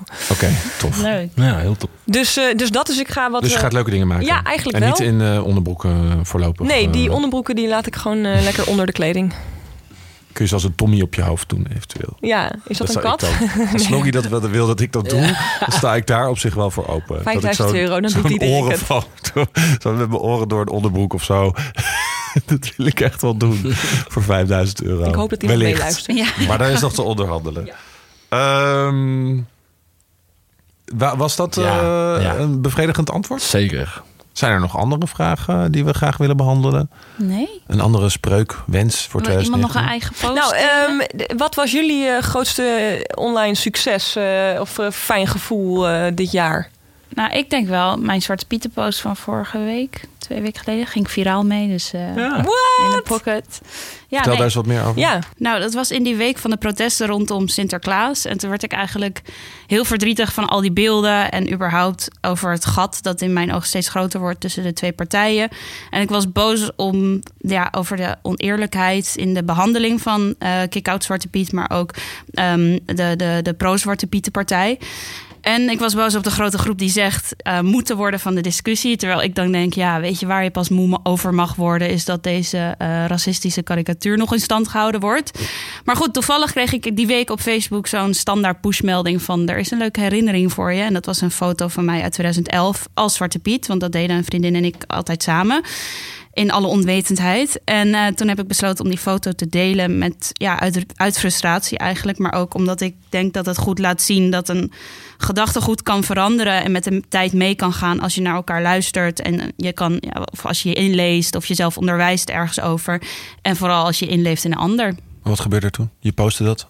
Ja, en toen eh ontplofte het. Wat eh, ja, was heel gek eigenlijk, maar ook wel fijn. En wat is ontploffing? Eh, wat is het? 4000 vind ik leuks. Voor een persoonlijk profiel is dat wel veel. Ik Ja, dat heel niet tof. vaak. Heel veel shares, toch? Heel veel, ja, 500 of zo, 600. Dus, eh, en veel allemaal- negatieve en positieve reacties? Heel veel positief. Echt zeg maar van tot. eh, ik zit nu in Suriname, maar deze mevrouw Duivis moet een lintje krijgen. Wat een beetje too much was in mijn ogen, maar wel heel erg lief. En, eh, maar ook eh, landverrader in mijn inbox, wat ik helemaal prima vind. Dus dat. Ja, ik vond hem onwijs mooi, uh, Kato. Dank je, Knap. Jasper. Ik ga hem nog even erbij pakken. 4001. Ja, gewoon Cato Duivens openbare foto op haar profiel. Inderdaad een eh, indrukwekkend verhaal. En jij, Jasper? Ehm, nou, hoge lat hoor, eh Kato. Nee, ehm, ik heb mede dankzij Diederik wel een beetje eh, Twitter als hobby opgenomen. En eh, daar heb ik nog steeds heel veel lol in. Eh, met ook wat tweets die soms wel eh, leuk worden opgepikt. Maar eh, verder niet iets heel dieps. Eh, Genieten van Twitter is toch leuk? Ja, Het het is wel het wel heel leuk om hoeveel lol jij ermee hebt en eh, hoeveel lol anderen aan jou hebben, inderdaad. Ja. Dus als je Jasper nog niet volgt op Twitter, dat is wel een beetje de plek voor Jasper. Leuker dan zijn Instagram. maar, eh, wie weet wat er nog komt. Ik had al gezegd dat hij zijn tweetjes moet gaan opmaken op, eh, Ja, op klopt, Instagram. ja. Maar dan vind ik het weer lijken alsof ik het zo serieus neem. Maar dat doe je wel. ja. Nee, klopt, klopt. Maar om dan op te gaan maken... Elke keer als je uitgelicht de wordt door een account, dan stuur je me het linkje. Wat ik heel erg waardeer. Ja. Ik ben een groot fan van Jasper op Twitter, dus eh, volg die jongen. En jij dit? Ja, dat vind ik moeilijk. Eh, Moet het, moet het social media zijn? Ja, we- hallo, social Ja, media podcast. Het was, zo- ja, maar omdat jouw vraag eh, was volgens mij alleen maar namelijk was breed. Namelijk gewoon... Een eh, brievenpost. nee. Oké, nee, maar zeg maar wat je wil zeggen, want ik ben heel benieuwd naar. Ik vind het heel moeilijk om het op mezelf te betrekken en niet op mijn bedrijf. Dus, eh, Wat, nou, je mag bedrijf ook. Wat is- vond je beste post of de beste iets van het bedrijf? Ja. Nou, ik denk dat ik heel trots ben ten eerste op de awards inderdaad. eh, die we dit jaar hebben gedaan. eh, met, eh, die, met z'n allen natuurlijk, maar die ik samen met Lies heb gepresenteerd. Het was gewoon eigenlijk... heb ik gewoon een supergoed gevoel over. Ik, denk, ik vind het heel tof ehm, dat we voor het eerst... we organiseren al vijf jaar de awards. En dit jaar was voor het eerst... had ik het gevoel dat mensen het begrepen. Eh, omdat heel lang, eh, als je daar vluchtig overheen keek... leek het een soort van eh, populariteitsprijs voor onderbroekenlol. En ik denk dat we dit jaar op heel veel plekken... mensen zijn doordrongen van het feit... dat wij het zoeklicht in de digitale chaos zijn, wat wij al vaak roepen. Dus dat wij één keer per jaar eh, al het negatieve en al het zurige over social media een tegengeluid willen geven door mensen te inspireren, door mooie, toffe, creatieve dingen te laten zien. En dat is soms best lastig in een wereld die vooral op negativiteit inzoomt en die snel is. En uh, actualiteitenrubrieken van televisieprogramma's en redacties die allemaal toch weer het negatieve willen uitlichten. En, en ophef belangrijk vinden of altijd de categorie slechtste berichten belangrijkst vonden. En dit jaar is het gewoon gelukt om echt met een bom aan positiviteit de media te halen. Uh, Jinek die ons de Oscars nieuwe Oscars noemde. En daar dan een item van 15 minuten lang serieus inzoomend op uh, de genomineerde content. En daar ook echt waarde aan gaf. En, voor, en zaten mensen van Voetbal International aan tafel. En die hebben meestal niet zo'n hoog pet van dat soort dingen op. Maar die werden gewoon afgeblaft en moesten hun mond houden om, om er wel waarde aan te geven. Zodat dat gelukt is. En dat social media dus op die manier gelukkig één keer per jaar. Want nogmaals, ik vind de negativiteit vaak terecht. Maar dat het één keer per jaar is gelukt om, uh, om, om, om, om, om mensen te inspireren. En hele toffe creatieve dingen te laten zien. Om aan mensen te laten zien dat er zoiets leuks bestaat. Zoals uh, politie rond bumper. Of uh, vrolijke musically mensen. Of hele grappige interactieve accounts. Zoals wat, wat Lise met haar katten doet. Of waarom vloggers janken. Of grappige, leuke, lieve tweetjes van mensen die herkenbaar zijn. Dat we dat één keer per jaar mogen doen. Dat is, dus ik ben daar wel uh, social media wise het meest trots op dat dat gelukt is. Ik moest eigenlijk stiekem een beetje huilen toen ik het Jinek-item terugkeek. Oh. Omdat het voelde als een soort fuck, eindelijk. Omdat we het zo vaak geprobeerd hebben om dat verhaal te vertellen aan de pers. En tuurlijk is dat vaak genoeg gelukt in kleinere schaal. Maar dat dan zoiets groots en impactvol zoals Jinek dat uitspreekt en dat erkent. Dat was, uh, is denk ik de pluim. Uh... Ik zal ook niet snel vergeten dat Pascal, uh, collega van ons die er echt sinds day one aan jouw zijde is. Dat hij ook echt zei van ja, dan kijk ik op die rode loper en dan denk ik van fucking hell. Vijf jaar geleden reikten we digitaal awards uit de mensen. En nu staat er een rode loper met pers. En uh, ja, ja, echt een hele toffe bewustwording. Ja. Dus uh, ja. Ja, en ook niet, ik ben niet zozeer zo trots op die grootte ervan. Maar dat het aankomt waarom we het doen. Ja. Dat, de, en dat ik het gevoel heb, kijk, eerder hadden we ook wel soms aandacht. En hadden we ook wel uh, natuurlijk veel mensen die bezig waren met die awards. En dat was natuurlijk ook allemaal hartstikke tof. Maar dat je voor het eerst voelt dat mensen snappen waarom je het doet. En dat dat ook nu de hele tijd merk ik als we het over de awards hebben. Of dat zelfs andere mensen tegen ons zeggen: Ook oh, ik vind het zo tof dat jullie het doen. Ja. En dat je dat niet meer zo vaak hoeft uit te leggen. En dat heeft er gewoon tijd nodig. En vooral digitaal heb je soms een lange adem nodig om dingen vangen, vaak en lang en te blijven herhalen voordat mensen het snappen. Uh, ja, en deze podcast, uh, dat is natuurlijk niet echt social media, maar uh, dat is iets heel positiefs. Dat je ook hier wat langer je verhaal kwijt kan. Dat mensen wat meer de mensen achter ons platform hebben kunnen ontdekken. Of leuke mensen zoals Lise Korpershoek hebben kunnen aanhoren. Dus dat is een, ja. kijk ik tevreden op terug. En verder, fuck fake nieuws in Brazilië. fuck fake nieuws. Ja, en fuck heel veel dingen op social media. Maar we zullen uh, ook in 2019 doorgaan met uh, toffe, inspirerende. Ja, love social media om toffe, inspirerende, creatieve voorbeelden te laten zien. Dirk en Danny! Niet te vergeten. Stem Dirk en Danny. En uh, ja, nou. En bedankt voor het luisteren. Podcast. Bedankt voor het luisteren. Uh, wil jij meer, Lise, Korpershoek? Wie niet? Ja, dan kun je haar volgen op Elise Corpy. Of hoe sprak je dat zelf mooi uit? Elise Corpy. Elise Corpy op Instagram. Of je kan de eerste aflevering nog een keer ter terug uh, luisteren. Wij verwachten een enorme piek straks in de, in de luistersessie. Zodat zij haar vriend Tim Hofman voorblijft. dus succes daarmee. Um, en wat uh, goed is om te weten. We slaan één aflevering over in verband met vakantie. Want we, ook wij hebben dat nodig. Maar daarna komen we terug met een, uh, een, uh, weer een bijzondere aflevering zonder gast. Uh, en niets is wat het lijkt. Nee, het is gewoon weer wat anders dan je gewend bent. Ik dank, uh, ik dank Jasper, ik dank Kato, ik dank onze opnameleider Volkert. Volkert. Volkert. En ik dank Lise. En tot de volgende keer mensen. You. You. En Harry. En koekenpan.nl. Doei. Hoi. Doei.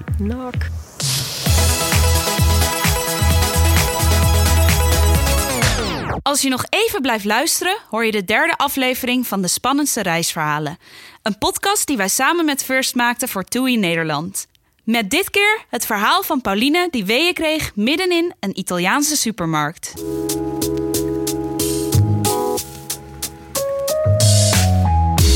Italië. De vakantie moest gewoon eigenlijk gaan zoals een, uh, zoals een elke vakantie moet gaan. Alleen dit keer speciaal, omdat ik, uh, ik was in verwachting. En het was de bedoeling dat wij met ons gezinnetje, met mijn man Harme en met mijn zoon Reinier... Uh, een laatste vakantie met z'n drietjes zouden hebben. En dat ging toch iets anders dan gepland.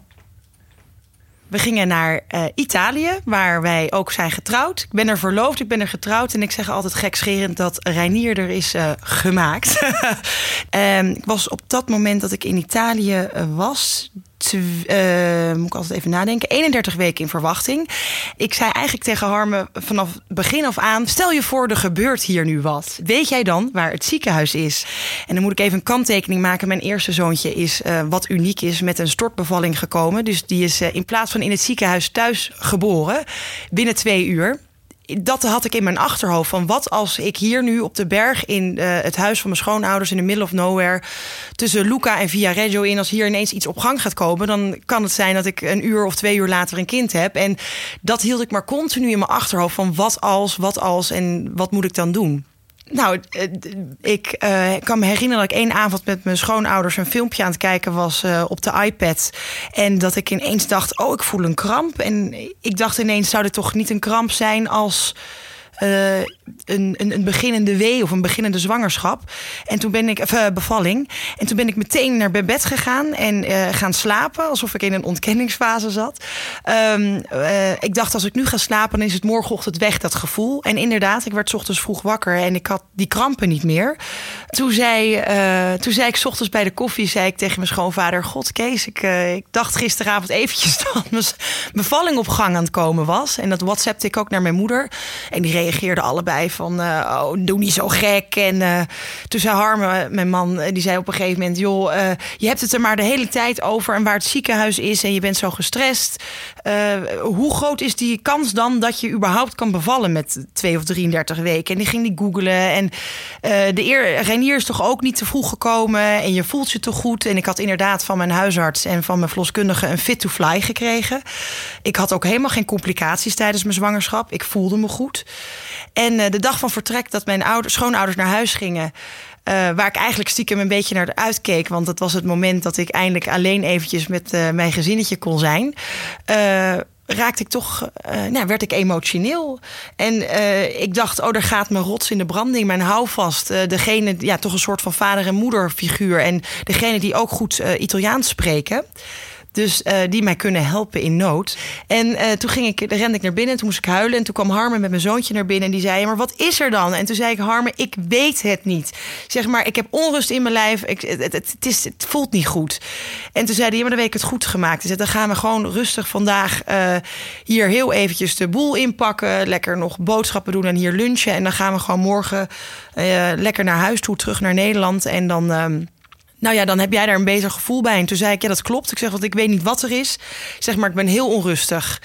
En uh, nou ja, zo geschieden. We gingen een beetje opruimen in het huis. En nou, toen gingen we even boodschappen doen. En ik moet erbij zeggen, op de berg uh, waar het huis staat, uh, heb je nul bereik qua um, bellen. En dan heb je altijd nog wifi. Maar de week daarvoor was er onweer. Dus we hadden ook geen wifi. En ook dat had ik continu in mijn hoofd. Dat mocht er hier nu iets gebeuren. We kunnen niet eens een ambulance bellen. Want ja, we zijn echt lost in Luca dan. En toen voelde ik ineens, nou ja, toch wel die krampen terugkomen, maar best wel frequent en hevig. En toen dacht ik ook een instinct, waardoor ik printscreens ging maken van mijn telefoon en van de tijd. Waardoor ik terug kon kijken hoe vaak ik een kramp had. Uh, en of dat frequent was. En of dat dus misschien een weeën, uh, al opkomende weeën konden zijn. Dus ik ben, uh, terwijl Harmen bij de kippen stond en naar mij riep: Zullen we één of twee kippen halen? Dacht ik voor de lunch. Dacht ik echt: Oh, Harmen, al koop je de hele kippentent hier op, alsjeblieft. Uh, maar toen zei ik: ja, Doe maar twee kippen. Ik was er helemaal niet meer bij. En uh, ik liep alleen maar weg met Rijn in de kar, dacht ik. En dan stond ik weer even. Mm, eventjes tot tien te tellen, had ik weer gewoon weer een W achteraf. Dat wist ik dus op dat moment niet. En ik herkende het ook niet, omdat mijn eerste kindje dus met een stortbevalling is gekomen. Dat was één grote aanhoudende W. Dus ja, wat ik voelde, ik wist het helemaal niet. En ik dacht alleen maar toen ik wel na een half uur de tijden terugkeek... en het was echt om de vijf minuten, dacht ik... oh my god, dit zijn, dit zijn weeën. Dit, ik heb gewoon weeën. Ik sta hier in een supermarkt in Italië en ik heb volgens mij weeën. En dat kan niet, want mijn kindje is pas uh, eh, 33 weken in mijn buik. En dat, ja, ik had een soort van kortsluiting in mijn hoofd. ik, ik wist dat het aan de gang was, maar het mocht niet. Nou ja, en toen eh, stonden we bij de kassa afrekenen. En eh, ik liep naar buiten. En toen stond ik nog, zelfs nog even in dubio. Dat ik dacht, hé, verdorie, is vandaag de dag dat ik met mijn gezin... moet dan anders tot morgen wachten tot ik naar het ziekenhuis. Toen dacht ik, nee, ik heb nu echt krampen. We hebben als een wiede weer de boodschappen naar huis gebracht. En uh, we zijn toch met de auto... in plaats van leuk een Luca het stadje bezoeken... naar het ziekenhuis gereden. En toen kwamen we daar aan in het ziekenhuis. En toen klopte Harme op, uh, op een raam van zo'n loket. en die, uh, toen kwam er een mevrouw en toen zei Harme, do you speak English? En toen uh, was het eerste wat die vrouw zei, oh no, no, no parle l'anglais. En toen stond ik daar en toen dacht ik: oké, begint, uh, begint de nachtmerrie of de hel? Begint die nu hier al? En uh, nou ja, toen meteen hup door de klapdeuren werden we meteen goed geholpen. Nou ja, alsof ik wist, nu mag ik het laten gaan, werden de weeën weer heftiger. En, en, en, en toen werd ik onderzocht, werd ik, uh, ik werd uit, er werd uitgelegd. Dat was overigens de enige vrouw in het hele ziekenhuis die Engels sprak. En ik dacht toen nog, oh gelukkig, er is nu wel vanaf nu, vanaf nu zijn er wel mensen die Engels spreken. Maar het was de eerste en de laatste verpleger die ik heb gezien in dat ziekenhuis die Engels sprak. En ik werd aan de monitor gelegd en uh, in een kamertje. En Harme en uh, Renier stonden erbij. En werd al vrij snel duidelijk dat ik uh, volgens het apparaat geen weeënactiviteit had. Terwijl ik die wel degelijk voelde. Heel erg zelfs. Um, en ik zag Harme meteen kijken van... oh, weet je, zie je, zie je, ze stelt zich aan. En ik merkte ook vanuit het ziekenhuis dat ik... Uh, wat ik ergens wel logisch vind... maar dat ik niet echt meer prioriteit was. Ja, toen, heb ik, uh, toen lag ik daar en het duurde maar en duurde maar. Ik denk dat ik rond een uurtje of vier, vijf in het ziekenhuis aankwam. En het was inmiddels zeven uur. Toen werd ik rond een uurtje of half negen, kwart voor negen meegenomen. Dus toch door de verpleger. En toen zat daar een, vloske, een, een, een gynaecoloog of ik een verloskundige. Ik weet niet hoe dat daar in Italië gaat, maar volgens mij een gynaecoloog. En uh, die ging me onderzoeken. En uh, daar gaat alles in grote groepen. Dus naast die gynaecoloog stond verpleging en uh, um, nou ja, artsen in opleiding. En die, ze ging voelen bij mij. En toen merkte ik al meteen dat de sfeer omsloeg. En dat er hysterisch, nou ja, hysterisch niet, maar dat er druk Italiaans met elkaar gesproken werd. Wat mij iets te snel ging en wat ik ook echt niet kon volgen. Ik probeerde daar natuurlijk wel iets uit te pikken lukte niet. En toen kreeg ik dus te horen dat ik inderdaad uh, op dat moment twee centimeter ontsluiting had. En dat er wel degelijk uh, toch iets op gang aan het komen was. En ik kreeg meteen toen een injectie voor de rijping van de longetjes. En uh, een infuus voor weerremmers. En ik mocht vanaf dat moment eigenlijk dus niks meer doen. Ik moest plat liggen.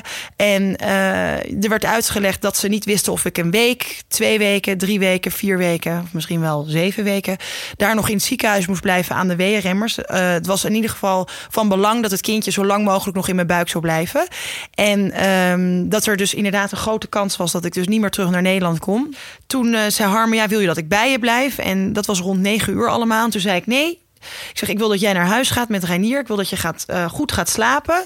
En dat je morgenochtend hierheen komt. En dat we dan met de reisverzekering kunnen gaan bellen. En met Nederland. En kunnen gaan bespreken wat de mogelijkheden zijn om ja, of, wat we moeten doen. Gelukkig waren de ouders van Harm op dat moment die reden in Zwitserland. Die waren met de auto op vakantie en die draaiden me gelukkig meteen om om natuurlijk te helpen met vertalen.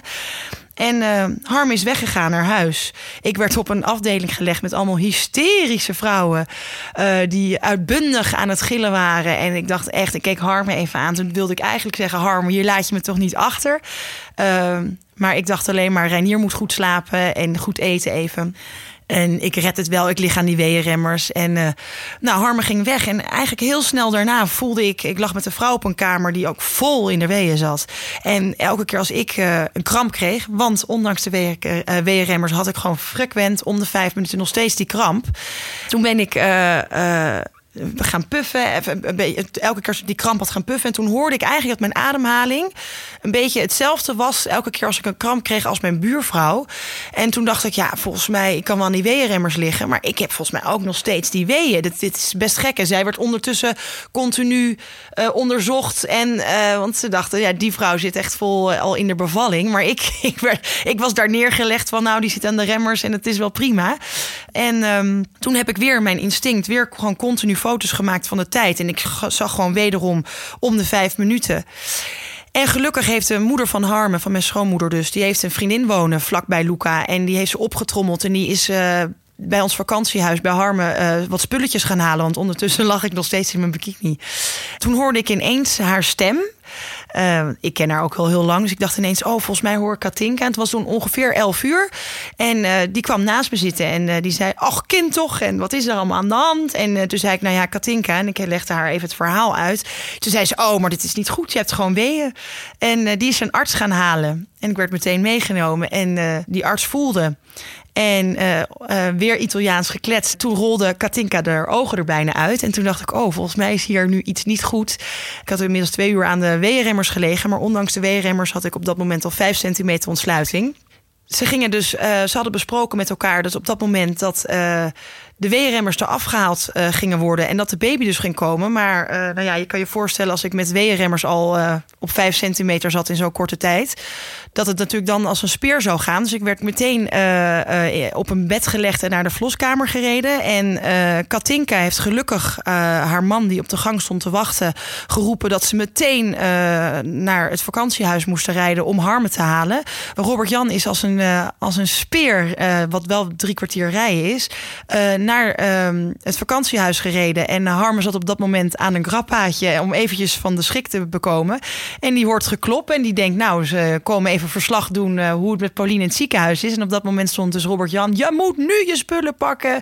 Pauline gaat nu bevallen. Ehm, en hij is als een speer teruggereden naar het ziekenhuis. Op een gegeven moment, ik denk, ik ben uiteindelijk iets voor eh ene bevallen. En eh, hij kwam denk ik om half één eh, met een soort van haar recht op zijn hoofd. Helemaal verwilderd binnen. En ik kon alleen maar roepen, Harmen, we hebben nog geen naam. Wat wel heel grappig is, is dat, dat Katinka maar tegen alle artsen daar ging zeggen... dat in, in Nederland dat ik voor televisie had gewerkt... en dat ik op Instagram wel wat volgers heb. Dus die artsen die moesten natuurlijk ook wachten tot mijn, op mijn eh, ja, eh, weeën... en tot ik eindelijk 10 centimeter ontsluiting zou hebben en mocht gaan bevallen. Mocht gaan persen. Dus die gingen gewoon heel relaxed op hun telefoon. Terwijl ik vol in mijn weeën zat, eh, mij googelen. En nou ja, ik heb ooit in de Playboy gestaan, tien jaar geleden. Dus eh, dat gingen ze ook even erbij halen. Dus we hebben dat we nog stiekem tussen de bedrijven door ook nog wel ergens eh, enigszins kunnen lachen. Ehm, ja, totdat op het moment dat ik echt bijna mocht gaan persen. En toen merkte ik wel dat het serious business was. Want toen kwamen er echt kinderartsen en verpleging voor de kinderen. Dus niet alleen voor mij. En dan kwam de couveuse binnengereden. En ja, dan merk je wel op zo'n moment, oh ja, het is niet een normale bevalling. Nou ja, Harme kwam gelukkig naast me zitten op tijd. En eh, de- ik, toen moest ik op mijn zij gaan liggen. En toen ging ik ook nog heel dwars. Toen zei ik, ja, nee, maar in Nederland mocht ik altijd op mijn rug liggen bij de bevalling. En, en dat ging Katinka dan weer herhalen, eh, vertalen. En ja, nee, maar het is een prematuur babytje. En het is beter dat je dan op je zij ligt. Nou ja, dus uiteindelijk doe je maar alles op de automatische piloot. Nou ja, en eh, iets voor één eh, werd hij geboren. En hij werd even op me gelegd en hij huilde gelukkig. En toen werd hij bij me weggehaald. En toen moest Harme heel snel toch ook mee met Katinka... om al het papierwerk te regelen, want dat is ook natuurlijk even anders. dus we kregen allemaal eh, eh, formulieren en dingen die we echt moesten bewaren. Want we moesten natuurlijk ook in Luca eh, aan gaan geven toen lag ik daar. En eigenlijk ging het met mij ook wel goed. Ja, ik, ik, ik, was letterlijk in een roes, een soort van verdoofd. En eh, eh, de bevalling aan zich ging eigenlijk heel voorspoedig. Eh, ja, ik lag daar helemaal verdoofd. En de, eerste... De eerste indruk die ik kreeg van Diet was dat hij ook eh, dat hij het ondanks dat hij echt wel eens ruim zeven weken te vroeg was, dat hij het eigenlijk wel, eh, ja, ze noemen dat ook een randprematuur, Eh, wat ook wel weer gevaarlijk kan zijn, dat je dat, dat snel onderschat. Dus dat je denkt, oh, het zit op het randje. Het is niet, het zijn babytjes die natuurlijk met 26 weken of nog, die zijn echt heel klein. Hij was op dat moment eh 2000 gram. En, en hij heeft alleen wel tijdens het verblijf in het ziekenhuis 1800 gram gewogen. Toen kwam hij niet meer aan. En ja, dat klinkt heel stom, maar ergens ben ik daar blij mee dat ik dan toch niet helemaal goed die taal heb gesproken. Omdat er heel veel dus langs mij heen is gegaan. Ik heb niet helemaal beseft dat ze daar, dat hij aan de antibiotica heeft gezeten. En dat ze zich dus toch wel even zorgen hebben gemaakt. Nou ja, toen werd hij dus meegenomen en toen kwamen Katinka en Harme terug en die zeiden: ja, het is nu inmiddels eh, twee uur en eh, eh, jij gaat nog eventjes in een kamer even bijkomen en dan krijg je wat te eten en te drinken. En dit wordt nu helemaal onderzocht, maar de eerste berichten klinken allemaal goed. En dan, dan mag je, zo direct word je dan bij hem gebracht daarna. Nou ja, en inmiddels zou ik bij wijze van spreken nog bij hem gebracht moeten worden, want een paar uur later lag ik op de kamer. Maar werd ik nog niet naar Diet gebracht. En het was natuurlijk s'nachts, dus vrij rustig. En dan kwam er wel eens een, eh, een, zuster of een verpleger... die kwam mij onderzoeken. En dan zei ik, eh, ma bambino. Bambino is baby in het Italiaans. En toen zei ik, mijn kind, waar is mijn kind? En dan keek ze me een beetje schaapachtig aan. Ze begreep natuurlijk nou, of ze wilde me niet, begrijpen of ze me begreep me echt niet. Nou ja, het was inmiddels de volgende ochtend 7 uur en ik had hem nog niet gezien. Ik lag daar en ik hoorde baby's huilen. Toen dacht ik, zou dit dan mijn baby zijn? Want ik heb geen idee hoe die huilt en hoe die klinkt. En eh, nou, om 12 uur gelukkig kwam eindelijk Harme en uh, 12, 1 uur met Katinka. En uh, nou ja, Katinka die was woedend. Die is dus daar boos geworden dat ik niet eerder mijn kind had mogen zien. En dat ze mij daar dus maar hadden laten liggen. Maar uh, zodra Katinka er was, uh, mocht ik eerst snel douchen. En uh, toen kregen we dus te horen dat het inderdaad goed ging met de baby. En mocht ik daarheen. mocht ik bij hem kijken. En het was wel heel emotioneel, maar ook heel gek. Want in Nederland mag je meteen buidelen. Heb je huid op huid contact, wat heel goed schijnt te zijn. nou, daar mocht ik hem alleen, ja, ik noem het maar als aaien, aanraken. met je handen door de couveuse heen. Um, nou, vanuit Nederland kreeg ik berichten van ja, hij moet aan de zondevoeding, want hij is te klein. En in Italië deden ze dat ook niet. Hij mocht hup vrijwel, nou, na, niet meteen, maar na een dag uh, of anderhalve dag mocht hij al vrijwel meteen uh, aan de borst. Nou ja, dus ik kan alleen maar zeggen dat het vooral drie weken lang veel heen en weer reizen was.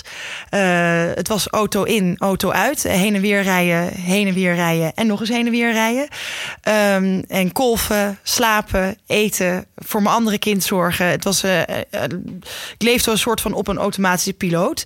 We hebben zoveel aan de reisverzekering gehad. Uh, dat, dat er, daar kan ik echt alleen maar vol lof over praten. Die hebben zo goed hun werk gedaan en ook continu. Um, wij waren natuurlijk oprecht een beetje last in Luca. Ze, hebben, ze kwamen al hun, hun afspraken na. we hadden afgesproken op dinsdag en donderdag altijd telefonisch contact te hebben over de stand van zaken en over hoe het met de gezondheid van Dietje ging en of het er al uitzag of die het eventueel naar Nederland uh, zou mogen en hoe. Um, en uh, ze hadden vanuit Nederland een, een, Nederlandse kinderarts weten te vinden die Italiaans sprak. Dus via die arts werden wij goed op de hoogte gehouden. Over, de, ja, over de stand van zaken en over de gezondheid van Dietje. Maar goed, dus ik heb daar drieënhalve week in het ziekenhuis gezeten. En toen kregen we uiteindelijk het, het bericht vanuit Nederland dat er toch is besloten, omdat het het beste voor het kindje was, om in plaats van met het vliegtuig een Nederlandse ambulance te laten komen. Dus ehm, met twee ambulancebroeders, met een, een zuster die gespecialiseerd is op de neonatologieafdeling. En Anne En ik zei ook elke keer Ans van de ambulance. Nog steeds contact met haar. En um, toen uh, in de ambulance was alsof uh, ja, ik kwam helemaal bij. Punt 1, uh, eh, ik hoefde niks, want er was nu een Nederlandstalige zuster die me alles heeft uitgelegd. ik mocht zelfs eventjes als de ambulance rechts ging rijden, wat langzamer, mocht ik zelfs in de ambulance hem aan de borst leggen. ik was voor de eerste keer echt een hele dag bij hem, want hij lag natuurlijk in het ziekenhuis en in principe kwam ik alleen bij hem om even te knuffelen tijdens voedingstijden en hem te voeden. En nu mocht ik de hele dag naar hem kijken. Um, er waren twee twee uh, ambulancebroeders om naar huis te rijden. Omdat we niet gingen overnachten vanwege dat het zo'n groot risico was met zo'n klein babytje. Dus we reden in één keer naar huis. En um, het was gewoon heerlijk om eindelijk Nederlands over mijn gezondheid van mijn kindje te mogen praten. Uh, en over hoe dat werkt in Nederland met prematuurkindjes. Want dat wist ik natuurlijk ook niet. Uh, ze waren lief voor mij. Ik hoefde, alles werd uit handen genomen. Er werd voor me gezorgd alsof ik in een hotel zat. En toen, na drieënhalve week, was ik ja, toch eindelijk thuis. Moest hij weer in quarantaine vanwege allemaal buitenlandse ziekenhuisbacteries. nou ja, nu een jaar later zijn we dus uh, afgelopen, afgelopen vakantie teruggegaan naar Italië. Wat misschien een beetje. Uh, um, nou ja, een beetje, een beetje zoetsappig klinkt. Maar voor mij was het wel even fijn om terug te gaan. Om het even ja, af te sluiten. De Harme die plaagde me ermee. Die zei elke keer ja, om het te verwerken. Ik zei, uh, verwerkingsproces misschien. En hij doet het als een speer. Hij wordt, uh, ja, ik zeg elke keer. Hij gaat natuurlijk, uh, als hij straks 18 is, met zijn vriendinnetje zegt hij: Joh, ik zal jou eens een hele mooie stad laten zien. Wil jij Luca zien? En dan gaat hij met zijn vriendinnetje vliegt hij naar Luca en dan zegt hij: Hier ben ik geboren, dit is mijn geboortestad. Ja, dat, eh, dat hebben we elke keer eh, voor, voor ogen, dat hij dat gaat doen later. Ja, leuk vakantieadresje. Leuk dat je luisterde. De Spannendste Reisverhalen is een podcast van TUI. Abonneer je op de podcast om een melding te krijgen als er een nieuw avontuur online staat.